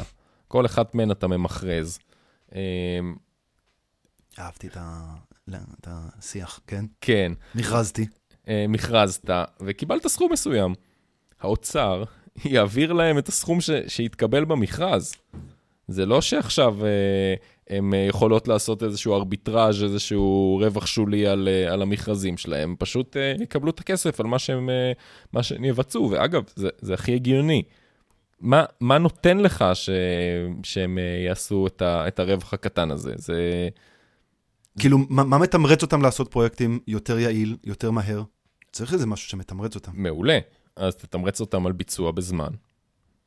בעיקרון, מה השיח פה? בסוף השיח הוא, הוא עצם, אם ת, תחלקו דיבידנד ואם ת, תהיו רווחיות, אתם תקבלו בונוסים uh, למנהלים, נגיד. זה אחד מה, מהדברים. אז אתה אומר, יש לך חברות כמו נגיד תעשייה אווירית, שאתה אומר, סבבה, ש, שהבונוס למנ, למנהלים יהיה, יותנה בהגדלת uh, שיעור הרווחיות של החברה. בחברה כמו נתיבי איילון או רכבת ישראל, אני רוצה שהבונוס למנהלים יותנה בביצוע. הצלחנו להקדים את לוחות הזמנים, הצלחנו לשפר את השירות, הצלחנו, אה, לא יודע, אפשר גם לדבר על המון מדדים, אפשר לדבר על מדדים סביבתיים, אפשר לדבר על 101 מדדים, אבל המדד של רווחיות הוא זר לחברות כללו. עכשיו, בוא, בוא נוסיף עוד עניין. החברות הללו הן, הן מונופולים. זאת אומרת, ברגע שאתה מגדיל רווחיות של מונופול, זה באיזשהו מקום על, על חשבון הרווחיות לציבור. אם uh, חני יכולה להגדיל את הרווחיות שלה בזה שהיא פשוט, חני חברת נמלי ישראל, יכולה להרוויח את ה... Uh, uh, להגדיל את הרווחיות שלה בזה שהיא מעלה את השכר, מעלה את השכירות לכל מי שנמצא בנמלים.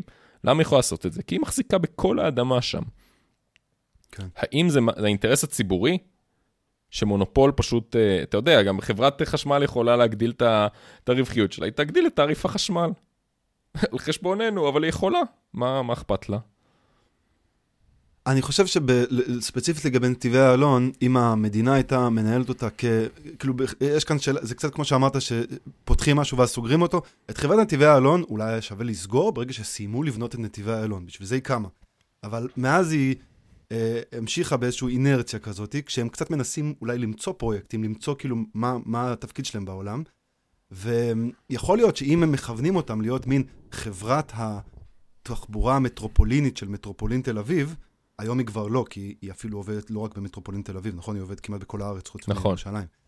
אז אה, אם היו מכוונים אותם להיות חברה מטרופולינית של תל אביב, למשל, אחת ההכנסות שלה יכלה להיות ההכנסות מאגרת הגודש. ההכנסות מאגרת הגודש עוברות ישירות למדינה.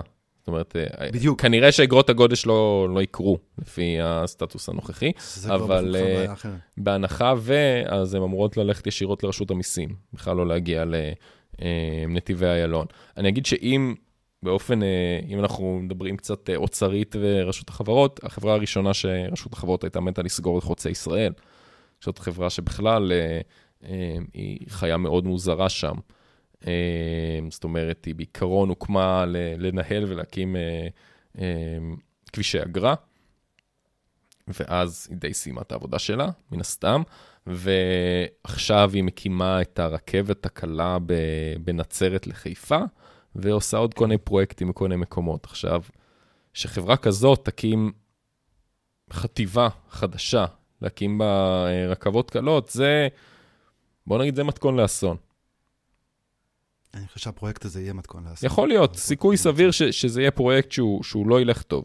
עכשיו, שוב, לא בגלל שהחברה הזאת היא גרועה, אלא כי היא, היא מתבססת על אפס ידע. יש לך כמה חברות שיודעות לעשות פרויקטים כאלה. יש לך את נטע, שאפשר להגיד אה, על הביצוע של הדברים כאלה ואחרים, אבל כבר היא יודעת לעשות דברים כאלה. יש לך את מי שבנו את הרכבות בירושלים. יש לך את רכבת ישראל. תן למישהו מהם את הפרויקט, למה אתה מקים עכשיו חברה חדשה שהיא לא יודעת מה, אין לה עוד DNA ברור, אתה מקים לה חברת... Uh, את, סתם, נגיד, אתה מקים את החטיבה הזאת, מה היא תעשה אחר כך? מה, אתה תמציא לה עוד פרויקטים? אתה תיתן לה עכשיו גם את הרכבת הקלה בבאר שבע? כאילו, זאת חברה שצריך לסגור. אחרי זה, את נתיבי איילון, אתה יכול אולי להפוך באמת לחברה שיותר פועלת בתוך התווך הפנים-עירוני. אה, שזה כרגע קצת, אתה יודע, נתיבי ישראל הבין-עירוני ונתיבי איילון הפנים-עירוני. זה משהו שאפשר לדבר עליו. כן. Uh, תגיד, uh, uh, נשאר בתחום הזה, אז סיקרת בהרחבה את הסיפור הזה של ה, uh, במכרזים של הקו הירוק והסגול. היה שם עניין עם הפסילה של אגד ביחד עם החברות הסיניות והתביעה הם תבעו אחר כך את המדינה, נכון? נכון. מה, מה הלך שם? הקו הסגול והירוק, שהיום uh, נמצא בשלבי סגירה פיננסית, אז uh, שני הקווים הללו, המכרזים שלהם התעכבו במשך הרבה מאוד זמן. הסיבה המרכזית שבה הם התעכבו, זה היה כל הסיפור של כפר שלם. בכלל לא קשור לסינים ולא קשור לכלום. גם סמוטריץ' וגם מירי רגב לא רצו לפנות את תושבי כפר שלם. אמ, שוב, אפשר לדבר על זה, אמ, אבל אה, מי שעשתה את זה בסופו של דבר זאת מרב מיכאלי, בלי יותר מדי התלבטויות. אמ, ו... ואז ברגע ש... שזה מה ששחרר את המכרז. ברקע הדברים היה סיפור שאחת הקבוצות, זאת חברה שהייתה מורכבת, אה, קבוצה שמורכבת מאגד, שיכון בינוי ומשתי חברות סיניות, אה, CRRC ו-CRCC. הם הגישו הצעה שהמדינה קבעה שהיא זולה מדי. עכשיו, עלו שם כל מיני שאלות. זה אגב די מקובל, מה, מה, בעולם של המכרזים שאני מכיר, פוסלים הצעות אם זולות נכון. מדי. נכון, בעצם אמרו שם ש, שההצעה זולה מדי ואי אפשר לעשות אותה, וזה. אה, עכשיו, יש פה שני מהלכים ש, שקרו במקביל, אה, וכל אחד אפשר יכול לטעון אה, כאילו, אתה יודע, הדבר הזה קורה עכשיו בבית משפט, אז אני יכול להגיד מה שאני רוצה, ו, ויש גרסאות לכאן ולכאן. Uh, היה לחץ של האמריקאים, uh, גם בתקופת טראמפ וגם בתקופת uh, ביידן, uh, להימנע מהשקעות סיניות uh, במדינת ישראל. עכשיו, ספציפית, החברה הזאת של uh, CR, CRCC, לא CRC, הייתה חברה שהממשל האמריקאי התמקד בה באופן ספציפי בתור חברה בעייתית. דיבר שיש לה קשרים לגופים ביטחוניים סינים. בסוף, בואו בוא נשים את הדברים על השולחן. כל החברות הסיניות אה, כולן הן חברות ממשלתיות, כן. אה, נגיד אה, החברה ששולטת בנמל חיפה, בנמל המפרץ, היא חברה של ממשלת שנגחאי, SIPG.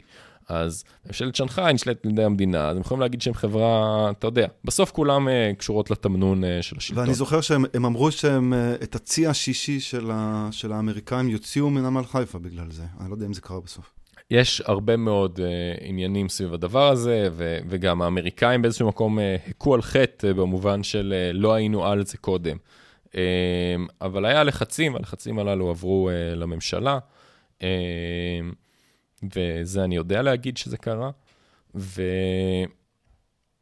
ואז במקביל, זה היה בתקופת uh, בנט כראש ממשלה, אה, פתאום נוצרו כל הדברים האלה של ההצעה זולה מדי וכן הלאה, ו... אה, ויש טענה מצד שיכון ובינוי שזאת הסיבה למה החברות הללו נפסלו, ואכן היה דיונים אה, בפורום המתאים, בפורום שמנוהל על ידי הכלכלנית הראשית של השקעות זרות, ואני יודע ש, שדיברו על זה שם. על הנייר, באופן רשמי, הם נפסלו מטעמים של ההצעה הייתה זולה מדי. עכשיו, זה היבט אחד. היבט אחר, ש... שוב, אני לא יודע להגיד אם אני יכול לעמוד מאחוריו uh, במובן הכי חד משמעי, אבל נטע לא רוצה כל כך לעבוד עם חברות סיניות. נכוו עכשיו אולי בקו האדום? כן, בקו האדום. הם, החוויה שהם קיבלו היא חוויה של uh, uh, שלילית. לא יודע אם זה משהו ש, שהם יכלו לשחק עם המכרז בצורה כזאת שזה, אבל הם מאוד לא רצו שחברות סיניות יזכו. אה, כשאתה משלב את כל הדברים האלה, אז באיזשהו מקום לשיכון ובינוי אה, ולאגד היה טיעון יחסית טוב. אגב, אנחנו רואים שאת הפסילות הביטחוניות הללו, אין, אה, זה לא קיים רק ברכבות הקלות. עכשיו היה את, המפרז, את המכרז להפרטת נמל חיפה הממשלתי הגדול. שתי חברות נפסלו שם. חברות מהמזרח התיכון אמנם, אבל גם חברה עם טורקית. טורקית. כן, אה, שנטען שיש לה קשרים אה, לארדואן ולכל מיני גורמים אחרים, אה, וגם חברה מהאמירויות, שבעצם המדינה לא הסכימה שתהיה בעלת השליטה בנמל. והאמירויות, אתה יודע, הסכם שלום, חברים שלנו, כל, כל הדברים האלה. אז כן, יש עניינים של ביטחון שמעורבים במכרזים בישראל, זה משהו שהוא, שהוא לא סוד.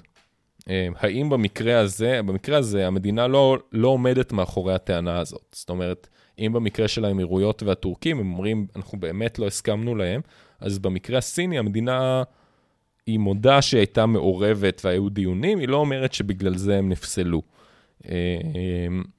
ונשאלת שאלה, האם יש פה באמת משהו שקשור אולי, אה, אתה יודע, אולי אי אפשר להגיד לסינים, אנחנו לא מוכנים שתשקיעו בנו. כי גם כי הסינים מפחידים, וגם כי כן. אנחנו רוצים את הכסף שלהם.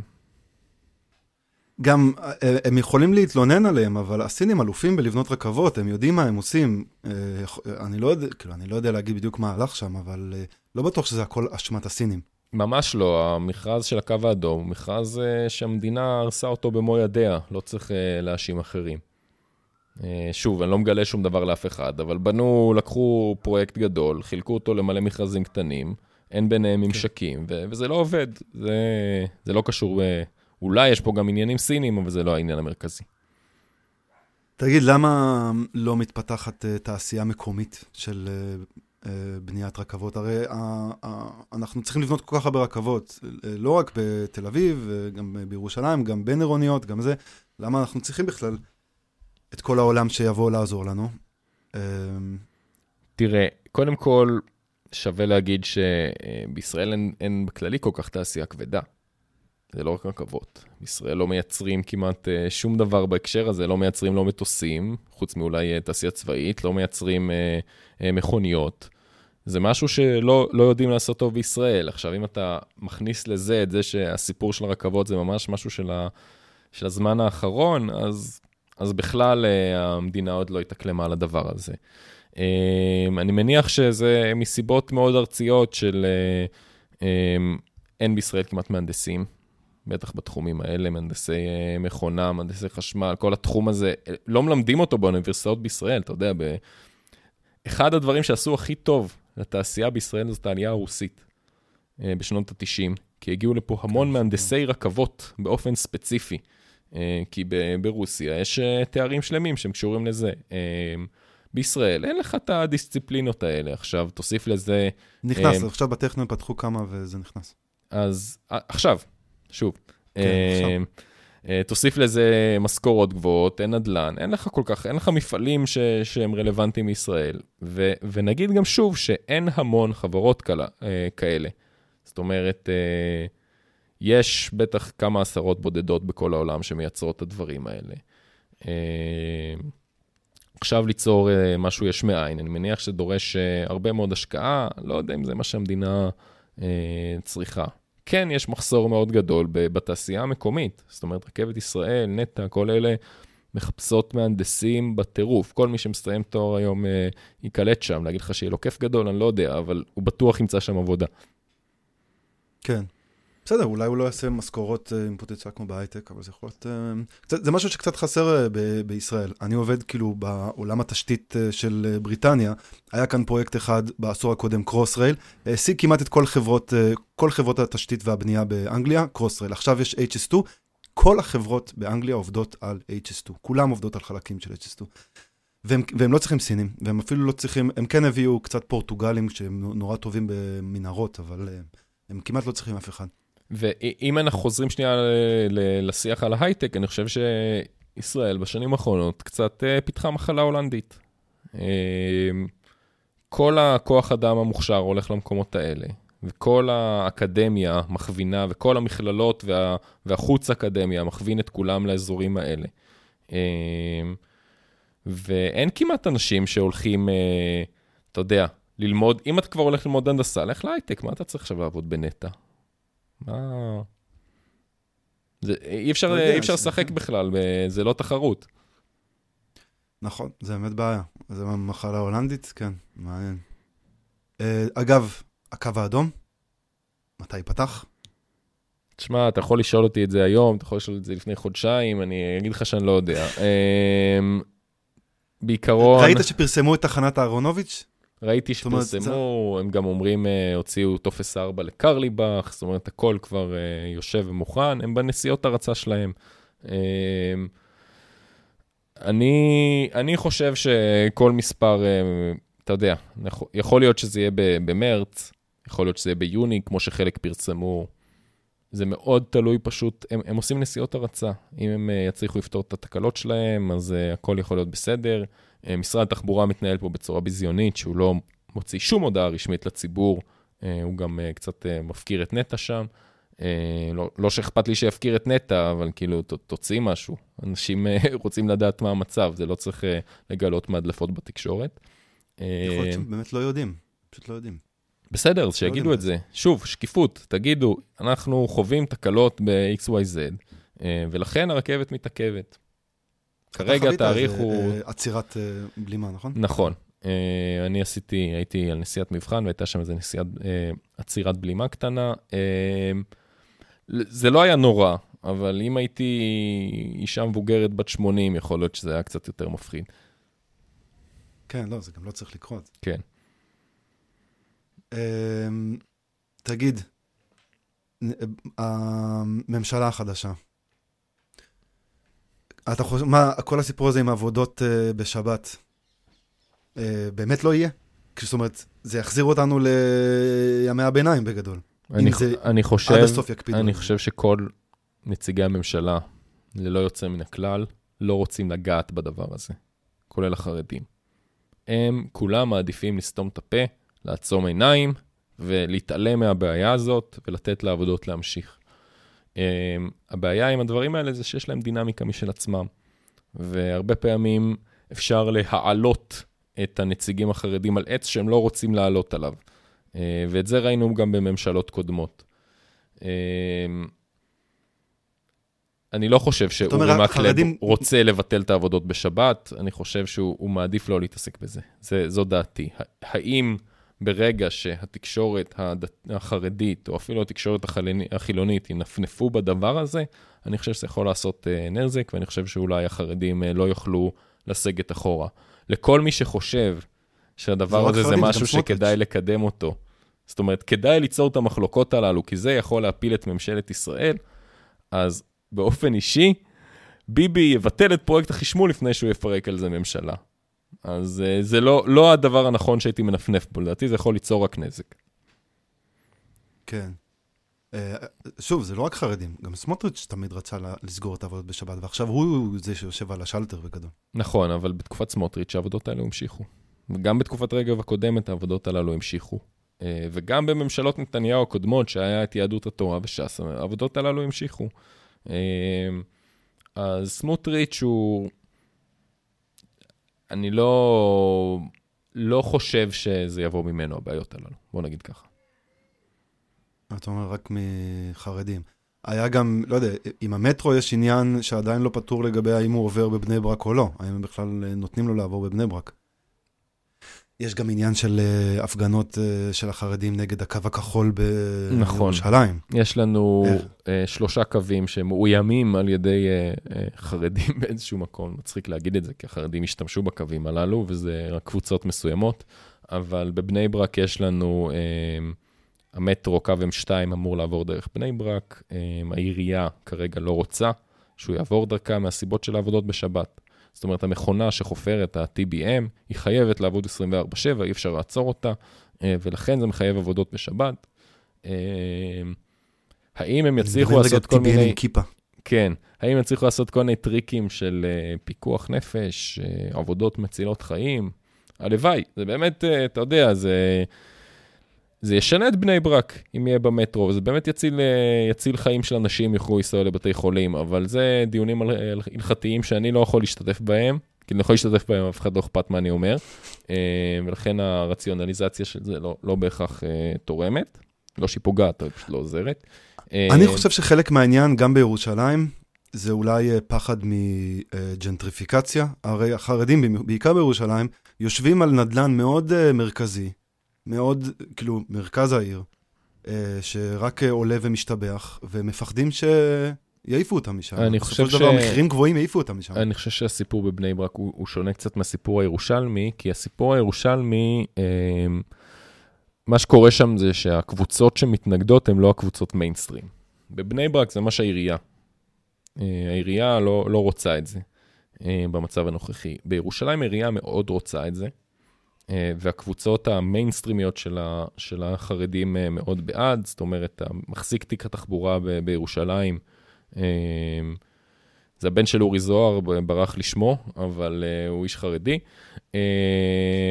והוא מאוד מקדם את זה, גם את הקו הירוק בבר אילן, וגם את ה... יש לך פה הופעת אורח מאחורה. אה, וגם את הקו הכחול אה, אה, ש, שקודם, זאת אומרת, הם בעד. מי שמתנגד זה באמת הקבוצות היותר קיצוניות, אם זה מהעדה החרדית, אם זה נטורי קרתא, כל מיני קבוצות, כל החבר'ה שגרים בגאולה מהשערים, ובקו הירוק יש שם ממש עניין שהרבה מההפגנות שם זה תושבים שבכלל לא גרים בירושלים. זאת אומרת, מגיעים לשם אוטובוסים מרמת בית שמש, אה, ומסיעים לשם את המפגינים. אה, זאת אומרת, יש פה איזשהו מאבק שהוא נהיה קצת גם מאבק עקרוני נגד המדינה, כי זה קבוצות שהן אה, קבוצות אנטי-ציוניות, ש, שאני לא יודע אם זה ג'נטריפיקציה, כמו איזשהו חשש מ... אתה יודע, החשש החרדי הבסיסי של אנחנו לא רוצים שהם יעברו, אנחנו רוצים להישאר קהילה סגורה. לא שהם יקנו לנו את הנדל"ן, אנחנו אפילו לא רוצים שהם יעברו פה.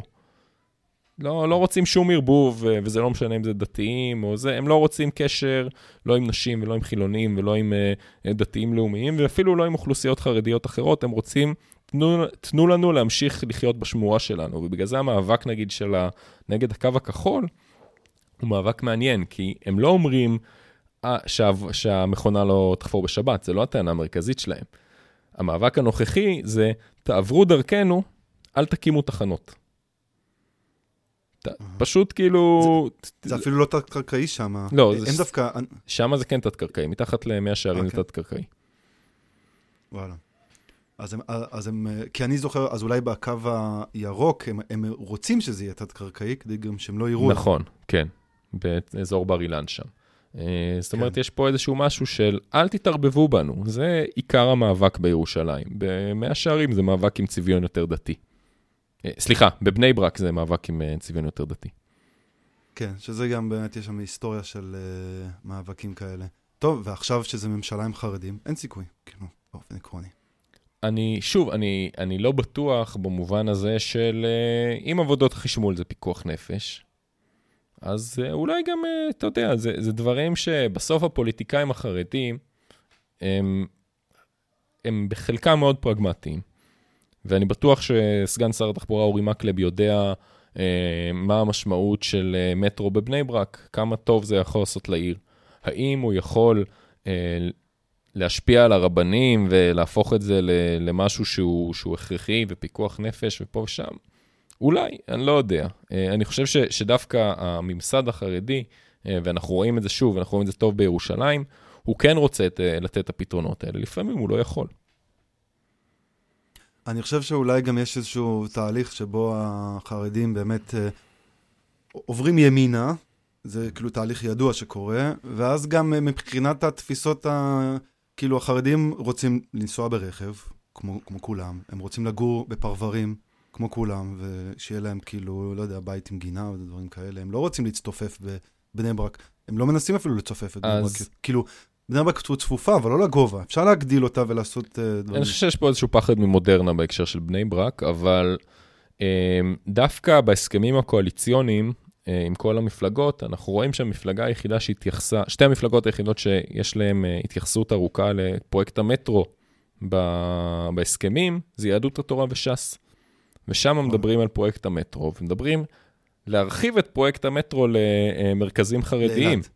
גם לאלעד וגם ספציפית בני ברק, זה ממש מצוין שם. אז יש פה איזושהי תפיסה שהיא מאוד מבינה את החשיבות דווקא של תחבורה ציבורית. בקרב הציבור הזה, כי זה גם באמת הציבור שמשתמש הכי הרבה בתחבורה ציבורית. אמ, ולכן אה, אני לא חושב שיש פה התנגדות עקרונית לדבר הזה, ובטח אמ, ביישובים האלה וניסיון אה, אולי אה, ללכת לכיוון ימינה של... לא, אני, אני מסכים איתך במובן המהותי שחרדים הולכים ימינה, אני לא חושב שזה ביקורת, אבל אני לא חושב שזה בהכרח מלווה בחלום על וילה ורכב פרטי. אני חושב שאולי אם האוכלוסייה הזאת תהיה יותר עשירה, אז uh, נראה את זה הולך לכיוון הזה. זאת אומרת, נראה את, ה, את החרדים שיכולים להרשות לעצמם וקונים בית פרטי. ואז. כן. מפה נגזר גם רכב וכן הלאה. הם גם באמת מאוד גדלים, ונראה לי שיש הרבה, uh, כאילו ביניהם, יש, יש עשירים ויש מאוד מאוד עניים. ו... Uh, תגיד, נראה לי נושא אחרון. אה, יודע מה? לא, שני דברים, שני דברים אחרונים. אחד, אני רוצה לדבר באמת על הרכבות, אה, ושני, אני רוצה לדבר על שדה התעופה. אין בעיה. אוקיי, אה, אה, רצית לדבר לגבי, כאילו, דיברנו קודם לגבי הרכבת לקריית שמונה, הרכבת לאילת, זה דברים שמתקדמים. הרכבת לקריית שמונה, אישרו תוכניות, אני לא יודע אם יצאו לביצוע, אבל זה נראה כאילו יוצאים לביצוע בשנים הקרובות. כן. אמ, שוב, אני לא, אני לא יודע כמה יהיה לנו חילוקי דעות פה, אני חושב ש, שבסופו של דבר אנחנו די מסכימים. Um, אני חושב שמבחינת uh, uh, רכבת לקריית שמונה, שוב, התכנון הסתיים, אתה יודע, יצטרכו בטח לעשות תכנון מפורט וניכנס אולי יותר לפרטים, אבל זה משהו, פרויקט שהוא יתוקצב. ולכן, בכללי, הטענה המירי רגבית הזאת של uh, צריך לקדם את המטרו רק אחרי שמקדמים uh, רכב, חיבור בין uh, קריית שמונה לאילת, אין פה סתירה, הפרויקטים הללו מקודמים במקביל. אה, וגם אם אני לא יודע... הייתי אומר שזה יותר מתקדם, כאילו זה נראה, זה, זה קורה. כן, יש סיכוי שתהיה רכבת לקריית שמונה לפני שיהיה מטרו, סיכוי טוב אה, אפילו. אה, זה פרויקט יותר קל. קריית שמונה זה אתה בא, נכנס, נוסע. נכון, חשוב להגיד שזה גם לא רק קריית שמונה, זה אמור לעבור גם דרך כזה חצור הגלילית ראש פינה, איזה משהו קרוב לצפת, לצערי לא צפת, כי צפת היא בעייתית אין, מבחינת... אין תחנה בצפת. צפת היא, היא גיאוגרפית, היא גבוהה נורא. אבל הרכבת מתוכננת לעבור מתחת. נכון, אבל ליד, היא ליד גובה ליד. כמה? 800 מטר צפת? משהו כזה? איך אתה... זה, זה, אתה לא יכול לעשות, uh, לעלות, לרדת, להגיע לצפת, ואתה לא יכול לעשות מעלית של, של 800 מטר. אני חושב שזה קצת פחות, כאילו, אבל כן, הם אמרו שזה יהיה נגיד יותר מתחנת יצחק נבון, שזה 80 מטר, אם אני לא טועה. ואז הם אומרים, הם לא רוצים לעשות עוד יצחק נבון, וזה נכון, זה פשוט נורא יקר. אז יכול כן, להיות יש, שזה... יש פה לפעמים, אתה יודע, דיברנו חדשנות וושינג, לפעמים המציאות, הגיאוגרפיה מכתיבה, מכתיבה את התכנון, וככה זה צריך להיות. אנחנו לא יכולים להתעלם מזה שעיר היא פתאום נורא גבוהה. יש לנו את העמק שיושבות בו ראש פינה וחצור, ויש לנו את העיר למעלה. כמו שטבריה היא הרבה יותר נמוכה, זה, זה אירוע שהוא, שהוא באמת מורכב uh, הנדסית. Uh, אז דיברו על כל מיני, לא יודע, אני לא אתפלא אם יהיה רכבל למירון, או כל מיני uh, קומבינציות כאלה uh, דרך צפת. אבל uh, שוב, זה פרויקט שהוא מקודם. Uh, לא יודע אם אנחנו נראה ממש תקציב uh, לדבר הזה בממשלה הקרובה, אבל, uh, אבל זה כן משהו שקורה. רכבת לאילת זה סיפור קצת יותר מורכב. Uh, גם הוא סובל מהתנגדות סביבתית מאוד מאוד uh, קשה, וגם כלכלנים מאוד לא אוהבים אותו. זאת אומרת, אילת היא עיר קטנה. והמרחב, כאילו אם קריית שמונה, אנחנו יכולים לדבר על uh, כל היישובים בדרך לקריית שמונה, אנחנו יכולים לדבר על, uh, uh, באמת על כרמיאל ועל חצור ועל ראש פינה, ואנחנו יכולים לדבר על איזשהו פיתוח של האזור הזה. אילת זה לא המצב. זאת אומרת, מדרומה לדימונה, יש לנו מושבים וקיבוצים עד אילת. אין לנו משהו אחר. ולכן, לקדם רכבת ליישוב שהוא כל כך קטן, בעלות אסטרונומית, שמדברת על משהו כמו 30-40 מיליארד שקל, זאת שאלת, שאלת מדיניות רצינית, האם לא כדאי להשקיע את הכסף הזה במקום אחר. עכשיו, הרבה שנים דיברו ש, שאולי הרציונל הוא מטענים. זאת אומרת, נקים שם ונהפוך את נמל אילת לאיזשהו משהו הרבה יותר רציני. וזה ייתן איזשהו גשר יותר... אתה יודע, תוכל לעקוף את תעלת סואץ. נכון לעכשיו, החישובים הכלכליים שאני מכיר, הם לא, לא תומכים בדבר הזה, אבל יכול להיות שזה ישתנה, אתה יודע, יכול להיות שגם פתאום יגדילו את ה... אני מכיר שגם ההתנגדות הסביבתית היא בעיקר לזה.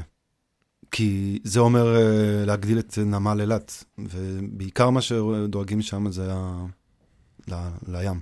כן, אני אגיד גם משהו שהוא, שצריך לשים, אליו, לשים לב אליו גם בהקשר שהוא אילת סובלת מתחרות. והתחרות הזאת היא מהשכנות שלה. התחרות היא מעקבה ו... ומהעיר הסעודית שעוד מעט uh, גם אמורה לקום באזור. נאום נראה לי, איך ש... או משהו כזה. כן, נאום. נאום. כן. Uh, והסיכוי שאילת תישאר אטרקטיבית um, לאורך זמן, uh, גם כעיר תעשייה סלש נמל, היא יכולה לקטון. להיות שהנאום הזאת, אה, ועקבה, שהופכת כבר עכשיו לעיר אולי יותר אטרקטיבית מאילת, הן אה, יכולות מאוד לפגוע בה, ובגלל זה... אטרקטיבית מה, לישראלים? לא לישראלים. ישראלים עדיין מבואים את אילת. אבל אה, אם אנחנו מדברים על איזשהו ציר, תעשייה, ציר כלכלי, ולבנות על אילת, אז כרגע אילת היא לא, היא לא, אילת לא מתקדמת לשום מקום, וזה חבל, אבל היא לא מתקדמת כרגע לשום מקום. האם רכבת יכולה להיות מנוע צמיחה לאילת? יכול להיות, אני לא, לא פוסל את זה, ובגלל זה אני אה, לא אומר שאני מתנגד לפרויקט הזה. אה, אני חושב שאולי זה הפרויקט האחרון שצריך לקדם. זאת אומרת, יש הרבה דברים קודם. אה, אמרנו שהסינים אלופים ברכבות, את הרכבת שהם תכננו ללאסה, אה, לבירת טיבט, הפרויקט אה, כנראה המסילתי הכי יקר בהיסטוריה, אין שם שום דבר. זה עובר בטונדרה, והם היו צריכים להמציא כל מיני דברים כדי שהרכבת לא תיפול שם לתוך הבוץ הארקטי. הם עשו אותו כבר לפני 20 שנה, כי זו הייתה, זו החלטה פוליטית. ברור, זו החלטה ממש פוליטית, כמו שנקים עכשיו אה, רכבת, אתה יודע, לרמאללה, אה, ו... ולחברון יותר נכון, למערת המכפלה. אה, זה, זה אותו דבר לאסה. נכון, אבל כאילו, הסינים מאמינים שמשילות וריבונות משיגים ממסילות. ואני חושב שיש, הם יודעים מה הם אומרים לפעמים. כן, אגב, אני חושב שהשיח הסביבתי בהקשר הזה הוא שיח שלא צריך לזלזל בו. בכללי, אני חושב ש, שהרבה פעמים ל, יש נטייה ל, לאורבניסטים קצת לזלזל בשיח אה, סביבתי. זאת אומרת, אם אנחנו ניקח עוד מעט לדבר על רמת דוד, אנחנו mm-hmm. הרבה פעמים מזלזלים בפגיעה בציפורים ובשטחים הפתוחים וברצף הזה, כי, כי בסוף יש בתפיסה אמ, התחבורתית משהו שהוא מאוד מעודד קדמה וצמיחה, ו, ושם את האדם במרכז. אבל uh, המדינה שלנו היא מדינה קטנה וצפופה, וצריך לחשוב מה המשמעות של מסילה שחותכת את רצף השטחים הפתוחים של חצי מהמדינה. כי כל מה שדרומית לבאר שבע זה חצי מהמדינה. ואם לא יינתנו פתרונות מאוד טובים סביבתית לדבר הזה, יש לזה מחיר מאוד כבד. אה, אותו דבר, אגב, המסילה המזרחית. אה, פרויקט שאולי באמת חלקו על גשרים, אבל הוא, הוא פוגע בכל המרחב האקולוגי של, של השדרה המרכזית של המרחב האקולוגי במדינת ישראל. ואני חושב שזה שיח שהרבה פעמים נוטים לזלזל בו, ואתה יודע, אנשים נורא ירוקים בהקשר של uh, פליטות פחמן ו, ודברים כאלה, אבל המאבק הסביבתי הכי גדול, איך שאני תופס אותו במדינת ישראל, זה המאבק על השטחים הפתוחים. שטחים הפתוחים. אני מסכים, אני חושב, אתה יודע, לגבי הרכבת לאילת, אז צריך לדבר בדיוק על התוואי שלה, ובאמת, אה, לא יודע, פתרונות בערבה וזה. הבעיה היא, אני חושב, שיש, אה, וזה בכל העולם, זה לא רק בישראל, יש התנגדות תמיד לפרויקטים של אה, רכבות, ומפרויקטים של כבישים, הרי את כביש הערבה הולכים להרחיב. זה אומר שיותר, זה אומר בפועל שיותר חיות בר שכבר היום נדרסות, ידרסו יותר, אין מה לעשות, הכביש יותר רחב, יהיה יותר קשה לחצות אותו. אה, אז, אה, ו, אז, ובדרך כלל כאילו כבישים נתפס כמשהו שצריך, מעבר לזה שהרבה אנשים סביבתיים, ואני מאוד אוהב אנשים סביבתיים ומעריך מאוד את כל פועלם, הרבה מאוד אנשים שחיים בטבע, הם רואים את הטבע הרבה פעמים מההגה של הרכב או של הג'יפ, אה, ולכן הם קצת עיוורים לפיתוח מוטה כבישים. אני מסכים איתך, ואני מתנגד גדול להרחבת כבישים. אני באידיאל שלי, אני, אני פנאט, בסדר? לא, לא, זה לא מתבטא בכתיבה שלי בעיתון. אני מבחינתי, ת, תמחק את כביש החוף ותעשה שם rewilding של כל המרחב. אה, ותרחיב את כביש 4 במקום. אה, אבל אה, כנראה שזה לא הולך לקרות בקרוב. אבל כן, גם הקמה של יישובים חדשים, זה על אותו עיקרון, אתה יודע, אנשים רוצים לגור קרוב לטבע, ובפועל הם, אה, הם רק אה, מחריבים את הטבע. אה, אני לא חושב ש... קודם כל, כביש, כביש 90 לא הולך להיות מורחב בצורה מאוד אגרסיבית. כן...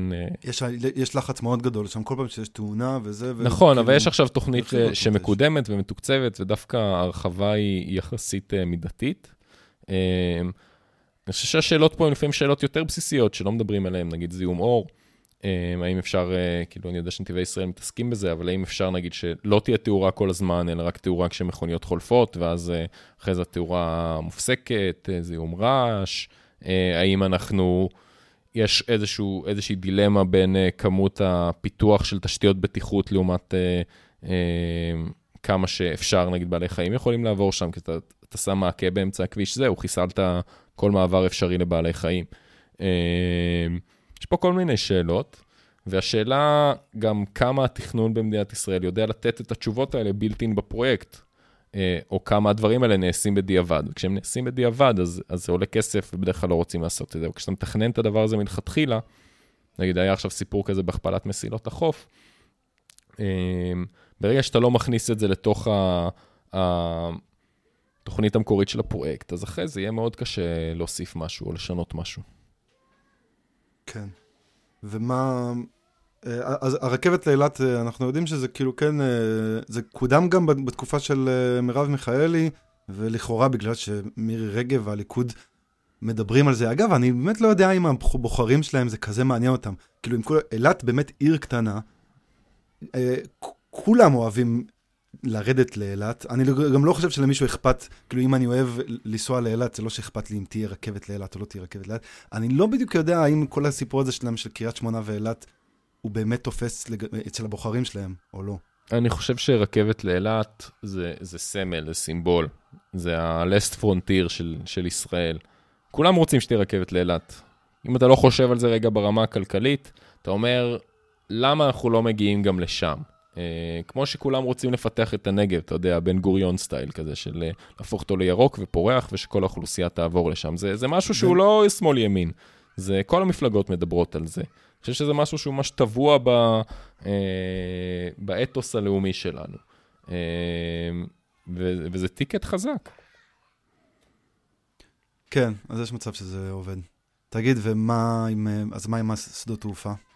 אז... אני אגב, את ה, אני את הטבילת אש שלי בעולם הפודקאסטים, התארחתי בפודקאסט אה, אה, לפני שנתיים או שלוש, שהם עשו, אה, כאילו, המקומיים שמתנגדים לשדה תעופה ברמת דוד. אני אז חשבתי ש... שיש להם סיבות טובות. תראה, קודם כל לכל אחד יש סיבות טובות. נימבי זה, זה... נימבי זה משהו שהוא מאוד רציונלי. וחשוב להגיד את זה, אף אחד לא רוצה שיקימו לו שדה תעופה ליד הבית, אף אחד לא רוצה שיקימו לו מסילת רכבת ליד הבית. לא אומר תחנת רכבת, אומר מסילת רכבת. אמ, אני, כשבשנתיים האחרונות שגרתי בירושלים, היה לי תמ"א 38 בדירה ליד. זה היה סיוט. אף אחד לא רוצה לגור ליד אתר בנייה. ו... זה לפחות uh, זמני. נכון, זה לפחות זמני, ובן אדם שהוא קנה, שיש לו, קנה או ירש אה, וילה ב, אה, בנהלל, הוא לא רוצה, אתה יודע, הוא, הוא כבר רגיל אולי ל-F-16 שכבר ממריאים שם בכל מקרה, אבל הוא לא רוצה עכשיו אה, שדה תעופה בינלאומי אה, ליד הבית. אה, וזה משהו ש, שצריך להבין אותו ולהתחבר אליו, ויש בו משהו מאוד רציונלי. האם, האם מדיניות אה, יכולה להתחשב בזה ב-100%? לא. כי אנחנו שוכחים שגם בצד השני יש אנשים. ונלך קצת אחורה, במדינת ישראל צריך לקום שדה תעופה נוסף, אה, בגלל ריבוי האוכלוסייה. ישראל גדלה מאוד, אה, כרגע יש לנו שדה תעופה בינלאומי אחד, שנמצא בנתב"ג, והוא אמור להיסתם תוך כמה שנים, להגיע לשיא הקפסיטי שלו, וגם אם ירחיבו אותו, זה, זה בעיקרון אה, סוג של פלסטר. וכבר לפני אה, יותר מעשור המדינה הבינה שהיא צריכה להקים שדה תעופה נוסף, התחילה לקדם תוכניות, הייתה החלטת ממשלה, אה, ובכל הבדיקות שנעשו, אחת אחרי השנייה, כולל זאת האחרונה, שתוצאותיה עוד לא פורסמו, אבל אה, הן, הן כבר ידועות, בכולן רמת דוד, דוד יצא המקום הכי נכון, גם מבחינה כלכלית וגם מבחינה תעופתית, להקים בו שדה תעופה. וההתנגדות להקמה של שדה תעופה שם היא באמת גם מהסיבות הסביבתיות, אה, פגיעה בשטחים פתוחים ונתיבי אה, נדידה של ציפורים, וגם בעיקר מסיבות של אוכלוסייה מקומית. האוכלוסייה המקומית מאוד לא רוצה, אה, ולעומת זאת האוכלוסייה בדרום, המועצות בדרום כן תומכות בזה, ויש פה איזשהו ווין ווין פוליטי. אבל תמיד ידענו שגם יש את הסיפור הביטחוני. צה"ל רוצה את זה ברמת דוד, ולא רוצה את זה בדרום. זה... צה"ל לא רוצה את זה ברמת דוד. צה"ל לא רוצה את זה בדרום. צה"ל בעיקרון מעדיף שלא יקום אף שדה תעופה, הוא עכשיו uh, מדבר על... Uh, כאילו העמדה הרשמית של צה"ל זה להקים uh, שדה על אי, להקים אי. אוקיי, okay, שיממנו את זה בעצמם. בדיוק, כן. גם רשות מקרקעי ישראל בעד. אמ, אבל צה"ל הוא סוג של מטיל וטו לא רשמי על שדה תעופה בדרום, מסיבות ביטחוניות, אמ, שהמרכזיות בהן זה אותו מפעל טקסטיל אה, ידוע אמ, בדימונה, וגם אה, בית הספר בחצרים, אה, בית הספר לתעופה. ובכללי יש גם טענה שהיא תעופתית, שאומרת שהמרחב האווירי בדרום הוא פשוט מוגבל. כי בגלל רצועת עזה שאי אפשר לטוס מעליה, אז המסדרון האווירי אה, שמגיע לדרום עובר דרך, נתב"ג, דרך המרכז, ואז לא עשינו יותר מדי.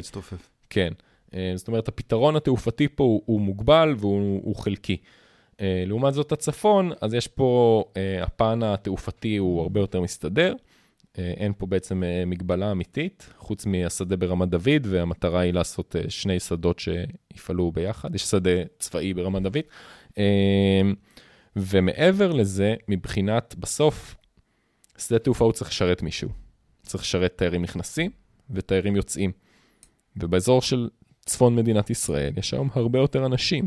משהו כמו, אם אני לא טועה, 30% מהמדינה אה, חי בצפון. אה, ורוב התיירים שמגיעים לישראל זה תיירים נוצרים.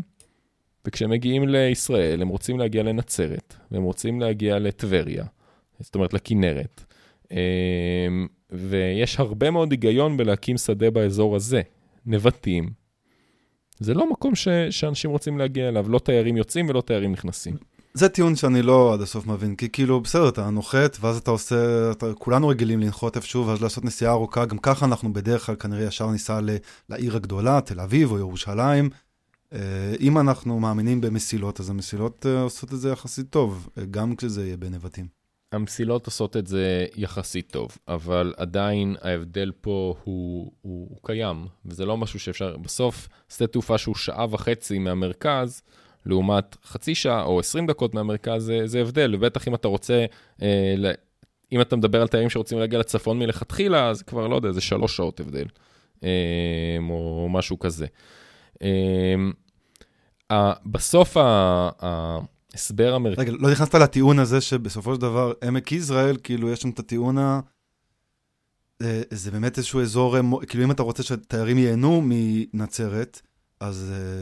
אה, אם יעברו מולה מלא, כאילו כל הזמן יהיה רעש של מטוסים בכל האזור, אז uh, לא שאני, כן, אני כבר חושב שהאזור הזה נהרס בעיקר בתשתיות כבישים ב-20-30 שנה האחרונות, אולי בקטע שכבר אי אפשר להחזיר אותו אחורה. אבל uh, אני, יש שם איזשהו עניין, אני כאילו, חושב ש... זה מורשת. ש... כן, בסוף יש פה מורשת, אבל uh, לא נראה לי שהתייר מנצרת יפריע לו ש... שהוא יראה מטוסים uh, כשהוא עומד uh, על ההר. וצריך להזכיר שיש שם שדה תעופה. זה לא שלוקחים עכשיו שטח שהוא שמורת טבע, ועמק יזרעאל זה לא שמורת טבע, יש שם שטחים חקלאיים, וזה, אפשר לדבר על זה שזה פגיעה כואבת, אבל בסוף זה חקלאות, ויש שם שדה תעופה צבאי שנמצא שם. אמ, ולכן הפגיעה בשטח הפיזי, אה, המרחבים הפתוחים, היא, היא מוגבלת יחסית. מה שהרבה, בגלל זה הם לוקחים את זה הרבה לכיוון של הציפורים הנודדות, כי שם זה באמת משהו ש, שאפשר לדבר עליו. אה, ואני אגיד פה משהו גם פוליטי. יש בדואים שחיים באזור של נבטים, והם הולכים להיפגע בזה באופן משמעותי, והקולות שלהם לא נשמעים, ולא רק זה, אלא שהם אומרים שהם בעד הדבר הזה, כי הם חושבים אה, מבחינת אה, פיתוח אה, כלכלי.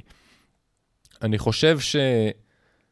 שקודם כל זה ניצול של, של הסטטוס שלהם, להגיד ש, שבהם זה לא יפגע, אתה יודע, בטח בבניינים שהם גרים בהם, זה, זה פשוט לא נכון.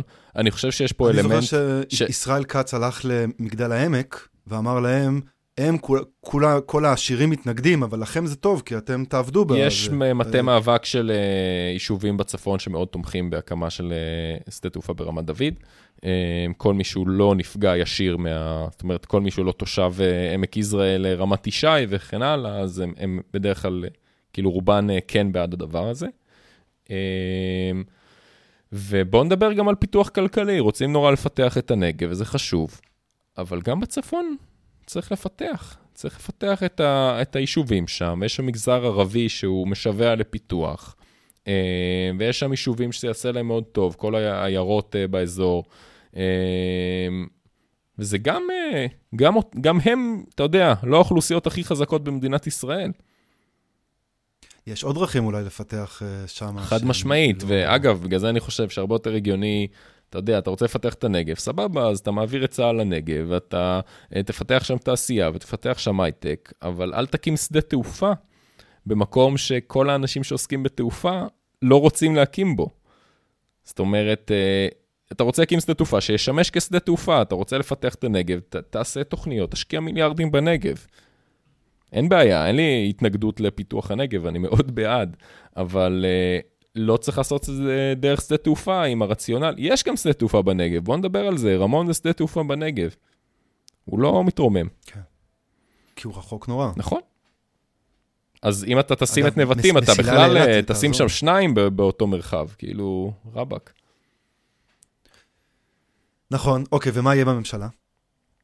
אה, ממה שאני מבין, אה, כרגע בהסכמים הקואליציוניים, אם בממשלה הקודמת מה שטרפדו באופן ישיר את רמת דוד, ביטלו את החלטת הממשלה, כרגע הם אה, השאירו את זה עמום, אבל הם כן אמרו, אנחנו נתמוך בהקמה של שדה תעופה בינלאומי, במקום בו גורמי המקצוע ממליצים, שזה על פניו רמת דוד. הלובי של נגד שדה תעופה בעמק יזרעאל הוא לובי מאוד חזק, והוא מטרפד את הדבר הזה במשך שנים, ויכול להיות שזה ימשיך להיות תקוע, אני לא, לא יודע. אני, חושב, אני יודע שסמוטריץ', אה, אם זה היה תלוי בו, זה היה קם בעמק יזרעאל. אה, בוא נראה מה רגב תעשה. היה גם דיבור על זה שכאילו חיפה תוכל פשוט לייתר את שני הזה, וש... ואז אמרו שחיפה אולי קטן מדי, ו... יש עדיין אנשים שמדברים על חיפה כפתרון. התסריטים האופטימיים שאני מכיר, שהם בוא נגיד מפי גורמים רלוונטיים, ולא יש, יש אנשים שהם מבחוץ, שאומרים כל מיני דברים אחרים.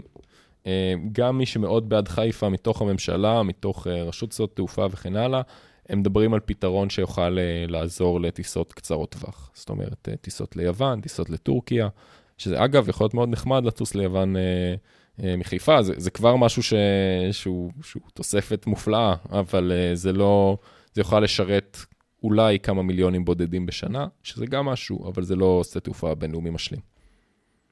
כן, גם יש שאלה, אני חושב שפעם אמרו שנתב"ג כבר היה אמור לקרוס, וגם כל פעם מראים תמונות ומראים אותו קורס, אבל השאלה היא, כאילו, גם אף אחד לא יודע, אה, באמת, אה, הגדילה בענף התעופה הייתה מאוד רצינית ב-15 שנה האחרונות, אף אחד לא יודע אם זה הולך לשם. אני חושב שההשפעה הישירה המרכזית תהיה, לפחות בשלב הראשון, המחיר. פשוט אה, הסלוטים יתחילו להיות מצומצמים, ועל כל אה, מושב בטיסה יהיה יותר אנשים שיתחרו עליו. ופשוט טיסות יהיו יקרות בישראל. אה, וזה הדבר הראשון שנרגיש. והן כבר, הם גם, הם כבר קצת אה, נכון. יקרות, אני חושב, זה קורה יחסית. אז אה, כן, יכול להיות שהם, הרי הממשלה, ממשל, ממשלות, נתניהו ידוע כאיש זהיר, הוא לא אוהב לקחת החלטות קשות. יכול להיות שהוא ימשיך למסמס את זה הלאה. נכון, למרות שזה לא נראה לי משהו שהוא, למען האמת, לא נראה לי משהו שהוא יתעסק בו. נראה לי שאם זה יקרה, זה יקרה אתה יודע. מירי רגב תתעסק בו. כן, מירי רגב, סמוטריץ', uh, אתה יודע, החבר כנסת התורן שירגישו ש... שהמאבק הזה חשוב לו. זה פחות או יותר. גלנט, גם בטוח יהיה רלוונטי. טוב, ואז אז יהיה בסדר? אני לא יודע אם יהיה בסדר. אני חושב ש... שבתקופה שאנחנו נמצאים בה, השאלה של יהיה בסדר היא לא שאלה תחבורתית כבר, אלא אולי אה, שאלות קצת יותר גדולות. אני חושב שהשאלה המרכזית, אם דיברנו קודם על מינויים, זה האם המדינה תסרס את המגזר הציבורי. זה הדבר שהכי ישפיע על התחבורה היום בישראל. התכנון אה, של רוב הדברים שאנחנו מדברים עליהם כבר קיים. הוא לא יזוז אה, באופן משמעותי. אמ, ולכן השאלה פה, האם ייתנו לאנשים לעבוד, האם אה, כל גחמה תתקע את ה... אתה יודע, האם החלטות יתחילו להיות פוליטיות, והאם יהיו אנשים שיוכלו לבצע את הדברים האלה. כי אם המגזר הציבורי אה, ייהרס, אם אה, יועצים משפטיים ימונו על ידי השרים, אם הסמנכ"לים והמנכ"לים אה, לא יהיו אנשי מקצוע, זה מה שיחריב את התחבורה הציבורית בישראל, ו... והשרה רגב, לא נראה לי שיש לה כוונות רעות, אבל לא נראה לי שכרגע האג'נדה שהיא מקדמת, אמ, ואם היא תקודם באופן אגרסיבי, יעשו טוב למדינת ישראל, אם זה ביטול הנת"צים, אם זה כל הדברים שהיא הצהירה עליהם. אמ, ואנחנו צריכים מגזר ציבורי חזק שייתן קונטרה לתפיסות הללו.